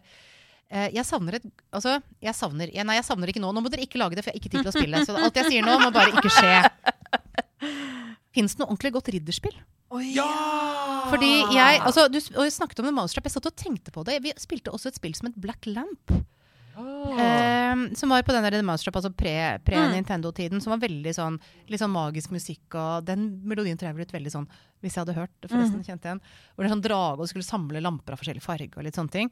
Og så var det et forsøk på et Nintendo-spill som jeg aldri skjønte eh, frem eller bak på. Som også var litt sånn Altså Kanskje det har litt med å gjøre at ridder er litt sånn OK, det var noe korstog og noe greier. Ja. De, er ikke, de er ikke så liksom stuerene helter som de kanskje en gang var. da Men du skulle jo tro at med både estetikken og den ganske sånn grimme måtene de slåss på, sånn at det var eh, potensial der, da. tenker at Det kommer an på hva slags ridder du er ute etter. Om det er snakk om korstogsridder, eller Mm. type mer sånn Heath Ledger. Mm. eh, Ja, nei, ridder, det eh, det fins en del ridderspill, Ja. uh, og det, det som dessverre jeg har lyst til å si til deg nå, er jo Mm. Crusader Kings 3, som er Civilization 2, bare med riddere. Ja, Der ser du. Det er eh, Glem det! Glem det! Glem at jeg sa det. Ja, nei, men Det fins en del, og det kommer litt an på hva man ønsker seg. Ønsker man seg eventyret, hvor man er liksom og uh, vollgraven og uh, porten går Mm. ned, og du skal få jo prinsessen, liksom? Eller er det det å krige med sverd? For da er det jo Hasse, Et av Hasses favorittspill er Chivalry 2, for eksempel. Mm, ja. Hvor du spiller ah! Og det er sånne katapulter og Mm. sånne ting. Fra, ja. Men Ja, det er bare Jeg er så glad i tegningen tegningene til Erlend Lie og sånn. Men kan- en ting til som jeg bare Da må jeg spørre deg om, siden jeg har liksom uh, dette vellet av kunnskap. Ja. Noe jeg har lurt på. Fins det dataspill basert på Den guddommelige komedie og Dante? Fordi det har en naturlig level-struktur. Dantes Inferno. Ja. Dantes Inferno heter Ja. eh, spillet. Uh, eller vent, da. Dantes Inferno Game. Hva er det det heter da? Det er det derre um, Og følger det liksom Jo, eh, er Inferno. Du følger ja. de sirklene Ja, ja. innover mot Mm. midten. Ja, ja, Ja, ja. for det er gøy, for det har jeg liksom lurt på, så jeg bare aldri Det, Ja. det, det slår meg at dette kunne vært et Google-søk, men det var mye gøyere å bare komme Ja, ja, ja. og spørre. Men, Men, dette eh, lurer publikum på også. ja og uh, mange elsker det spillet, og det er nå 25 år gammelt, eller noe sånt, så vi tar gjerne et nytt. Mm. Vi går videre til og dagens nest siste spalte.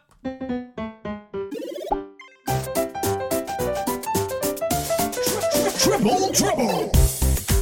I Triple Trouble så er leken som følger. Det er ganske lett, eller i hvert fall lettere enn man skulle tro, å gjette hva som er størst eller best eller viktigst av noe. F.eks. hvilken spillkonsoll har solgt mest. Men å gjette andre- og tredjeplassen på lista, det er ganske vanskelig. F.eks. hvem vant eh, OL-gull på Lillehammer på tremila? Ja, vi husker alle uh, Alsgaard. Men hvem var det som kom på andreplass og tredjeplass? Så det er leken i Triple Trouble. Og hva er det du har forberedt oss? Du, eh, I dag er det faktisk eh, tredje- og fjerdeplassen vi skal frem til. Å ja. Eh, hva- jeg har egentlig forberedt kanskje fire forskjellige versjoner av eh, denne spalten. For jeg, bare, jeg syns dette, jeg synes dette var vanskelig å forberede. Ok, ja. Vanskelig å finne ut hva er, hva er en god triple trouble, Ja. og hva har vi egentlig gode kilder på. Så det du skal fram til nå, er eh, nummer to, nummer tre og nummer fire på en liste? Ja, for eksempel. Ok. Ja, eller tre og Ja. Eh, så det jeg lurer på Skal jeg avsløre nummer én, da? Ja, det kan du gjøre, Ja. for det gjør det lettere for Ja. oss. Eh, det jeg skal fram til, er faktisk Og nå går vi litt utafor vanlig, uh, kanskje. Ida pleier å gå litt utafor boksen, Ja, så jeg vet det. eh, de mest solgte brettspillene i verden. Oi, de mest solgte brettspillene i verden. Jeg tipper Risk er der oppe. Hva er førsteplassen? Sjakk. Ja, det er så Ja. bredt, ja. Mm. Pønn. Hvor stort er ludo? Ja, for hvor stort er ludo? Hvor stort er kinasjakk? Jeg spiller. Er det ikke det det står for? Mm, Ludo. ja, Um, Kinasjakk er også en god idé, altså. Eh, er det med kortspill her? Men var det tredje og fjerde Nei, det kortspill er vel ikke Det var brettspill. brettspill. Bare så brettspill. kort er ikke Er yatzy inkludert? Altså Er det sett på som et brettspill? Ja eller nei? Um, øh, vanskelig å si. Ja. Det er vel kanskje terningsspill, det, da. Da er det ikke på Det topplista. Da fikk jeg lurt det ut, da. OK. Uh, Kinasjakk er et godt Ja. innspill, fordi vi eh, glemmer at det er en hel stor verden der ute. Ja. Vi spår fra vårt eget ståsted. Men hva er det som man tenker er sånne brettspill som er over hele verden? Sjakk åpenbart. Eh, backgammon, tenker Ja. jeg. Men jeg vet ikke om hvor mange backgammon-brett det liksom selges. Ja, ikke sant. Ludo, Like mange som sjakk, vet du, for det er på baksiden. ja. Nei, men de helt basic tingene, da. Monopol. Monopol kan godt hende. Uh, det er jo et universelt spill, liksom. Ja. Du kan lokalisere det til alle steder. Så lenge det er Ja. Kinasjakk syns jeg er en god uh, hva, hva kalles det, da? Checkers? Ja. Er det det det Ja, er det ikke Chinese checkers? Det- Jo. Um, skal vi ta det Skal vi ja, Altså, det eneste jeg vet, er at Men vent, det, det mest... Du var altså nummer, sjakk var nummer én, og du skulle ha nummer tre og fire. Altså ikke nummer to. To, tre, ja. Vi Ja, sier, eller to, tre, vi fire. sier to, To, tre, fire. fire. Ja. Fordi uh, jeg vet at det mest solgte, eller det mobilspillet som tjente mest penger i USA i fjor, det var Monopoly Go. Ja. Så Monopoly mobilversjon. Mm. Jeg tror det er der oppe. Mm, Kinasjakk, monopol. Eh, tredje? Ludo, backgammon Ludo. Hva er backgammon, kanskje? Vet ikke, altså, jeg vet ikke, er backgammon Og er ludo så stort i Australia? Nei, det er Liksom? det, eller i Mongolia, liksom. Ja, eller ja. Peru. Ja. Um, Si backgammon, da, eller? vi prøver? Er det Kinasjakk, monopol, ja. hvis, hvis jeg får det nå, så kan du si at, og vi tapper, så kan du si at uh, nå må du slutte å womansplaine og overkjøre meg på den måten. Det, okay, greit. Ja. Da er vi, da er vi, vi sier det. Kinasjakk, monopol, backgammon. Ja. To, tre, fire. Ok. På uh, andreplass Dere har på en måte nesten riktig. Nei! Jo, fordi at uh, altså På engelsk så heter jo kinasjakk uh, Vet ikke om det er Chinese checkers, men uh, i hvert fall det som er på andreplass, er jo checkers, som er dam. Spillet ja. dam. Checkers, ja. Ja. Dam, ja. Mm. Gamle dam. Hva sa dere på tredjeplass? Monopol. Det er helt riktig! Ja, da har vi ett poeng! Rått! Og på nummer fire sa dere Backgammon. Backgammon. backgammon. Det er dessverre feil, fordi riktig er Scrabble. Selvfølgelig! Scrabble. Wordle! Mm. Wordle, wordle. Scrabble helt der Ja. oppe, ja. Wordfeud. Nei, men det var eh, kjempefin liste. Takk. Veldig god idé. Ja, takk, takk, takk. Uh, og også mulig Jeg føler at du har fått sånn trivia, liksom andre vinglass, kan jeg si. Ja. Vet dere hva som Ja. er det mest? Ja, ja, Men da, altså, det var også Sjakk. eh, sjakk, dam, Dam. det er jo litt corny. Mm -hmm. ja, ja. Eh, monopol, Monopol. og Scrabble. Scrabble. Ja. Sjakk, dam, monopol, Scrabble. Du får bare gå tilbake og høre på episoden. Mm. Dette er sånn, dette er en smalltalk-løser. Nei, ja, ja, Hvis du står fast kjempebra. i en samtale med noen, Vet du hva? hva Finn den første watercooleren. Altså, bare, som du ser, gjerne google uh, watercoolers Oslo. Stell deg opp. Dette er informasjon du kan dele. Vi skal avslutte ukas episode av Nederlandslaget, men først skal vi svare noen spørsmål fra de som har sendt inn til oss, så du skal få hente i barnehagen, og det du må. Står det på kokktavlen? Hei, hva står det på korktavlen? Hei, godt folk. Jeg har et spørsmål til dere som en 39 år gammel gamer. Det kan man kjenne seg igjen i. Jeg vokste opp med spill fra siste halvdel av 80-tallet og utover 90-tallet, og som barn og ungdom så hadde jeg alltid kreative tanker og ideer rundt spillene. Tenk om vi kunne gjøre X eller Y i dette spillet. Hva om vi kan gå til området i bakgrunnen på 2D-sidescrolleren vi spilte, f.eks. i Mario, da. Hva om vi kan gå til de fjellene i bakgrunnen? Det var rett og slett veldig mange ønsker og drømmer rundt ting vi ønsket å kunne gjøre i spillene, men som teknologien satte begrensninger for. Spol frem til i dag, og spillene oppleves som utrolig avanserte. Jeg ser noen spille f.eks. Dishonored fra 2012, og gjør kreative kills på en måte jeg aldri kunne drømt om. De virkelig bruker miljøet og mulighetene som er designet i spillet, og det spillet er snart tolv år gammelt! Poenget mitt er, jeg føler at min kreativitet ved spilling holdes tilbake av min gammeldagse måte å tilnærme meg spill på. Det som er intuitivt for yngre spillere, det blir av meg avfeid som umulig ønsketenkning, og kanskje ikke engang forsøkt. Jeg spiller rett og slett veldig konservativt og kjedelig, og legger, uh, gjør oftest kun åpenbare ting spillet legger opp til. Så derfor så spør jeg dere. Jeg vet at dere nesten er like gamle som meg og har vokst opp med mange av de samme spillene. Føler dere at alderen gjør at vi spiller på en annen og kanskje mer restriktiv måte enn hva moderne spill åpner for, opp for? Spør Ballex. Hva tenker du? Dette er kanskje Jeg- først og fremst et spørsmål til oss, siden Ja. du ikke spiller så mye nå, Inger Merete. Men du, Vet du hva, Nå må jeg bare si at jeg beklager, nå kom det en jobbmelding. Jeg bare Ja, kjempefint. Da- da svarer vi. Eh, jeg tenker at Eh. jeg er nok påvirka av uh, bakgrunnen min. Ja. Og jeg ser det at jeg liker nok jeg, Der jeg ser det, er at jeg ser yngre spillere har mer liksom, intuitivt dette med sandbox-tilnærming, blant annet. Hvor jeg kjenner at dette er ikke helt uh, min, eh, Mm. min greie. mm. Um, jeg, kan si, jeg, jeg skjønner poenget, selv om jeg ikke helt har tenkt på det. Uh, hva tenker du? eh? Jeg tror at vi er litt for nerds til, Mm. å, um, til å gjøre dette, for jeg er veldig opptatt av å utforske alle muligheter og bla, bla, bla. Men jeg tror nok også at det er et poeng der i at f.eks. sånn som i Apex Legends, da, hvor man liksom slide-killer og sånn. Altså de Mm. der, de der um, gode reaksjonsevnetingene og sånn, det sitter ikke hos meg. Men jeg er en veldig sånn utforsker. Ja. Så jeg har lyst til å utforske og prøve å sprenge hva spillet gir meg lov til. Ja. Alltid, nesten. I hvert fall hvis jeg har god tid og holder på på egen hånd. Ja, der er ikke jeg, altså. Nei. Men apropos for å si det, altså kom igjen på eh, altså, Jeg føler at det er en litt sånn dessverre litt kjedelig ting med å bli gammel. At man er liksom åh, jeg vil gjerne ha det gamle, det velkjente, gitt mitt Mm. forhold til Civilization 2. da. Mm.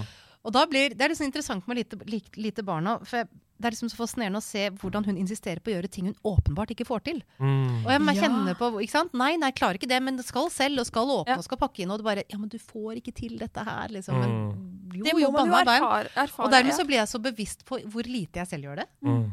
Hvor, hvor sjelden jeg selv liksom gjør ting jeg virkelig ikke kan, eller føler meg klønete, eller altså velger det, da. Mm. Å gjøre utfordrende ting der jeg vil se ut som en, en tullebukk.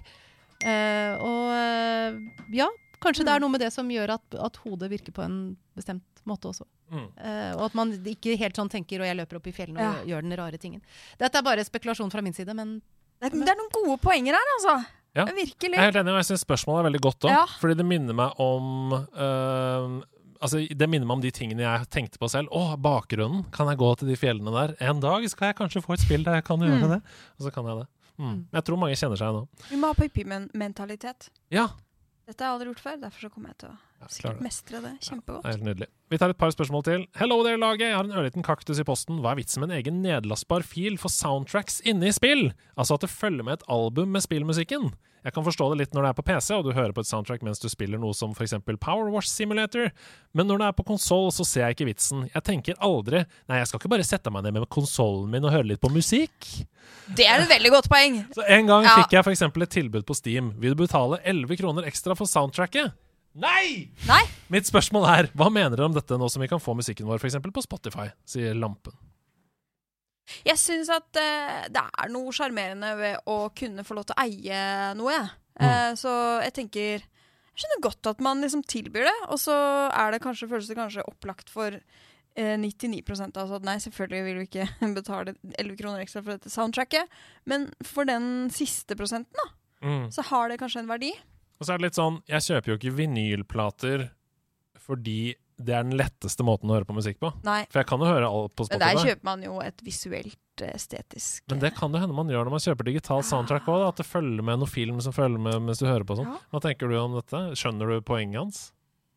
Jeg gjør det. Jeg bare Det er, det er litt sånn Jeg føler meg litt gammel. Ja. For det er liksom noe som så veldig ikke eksisterte.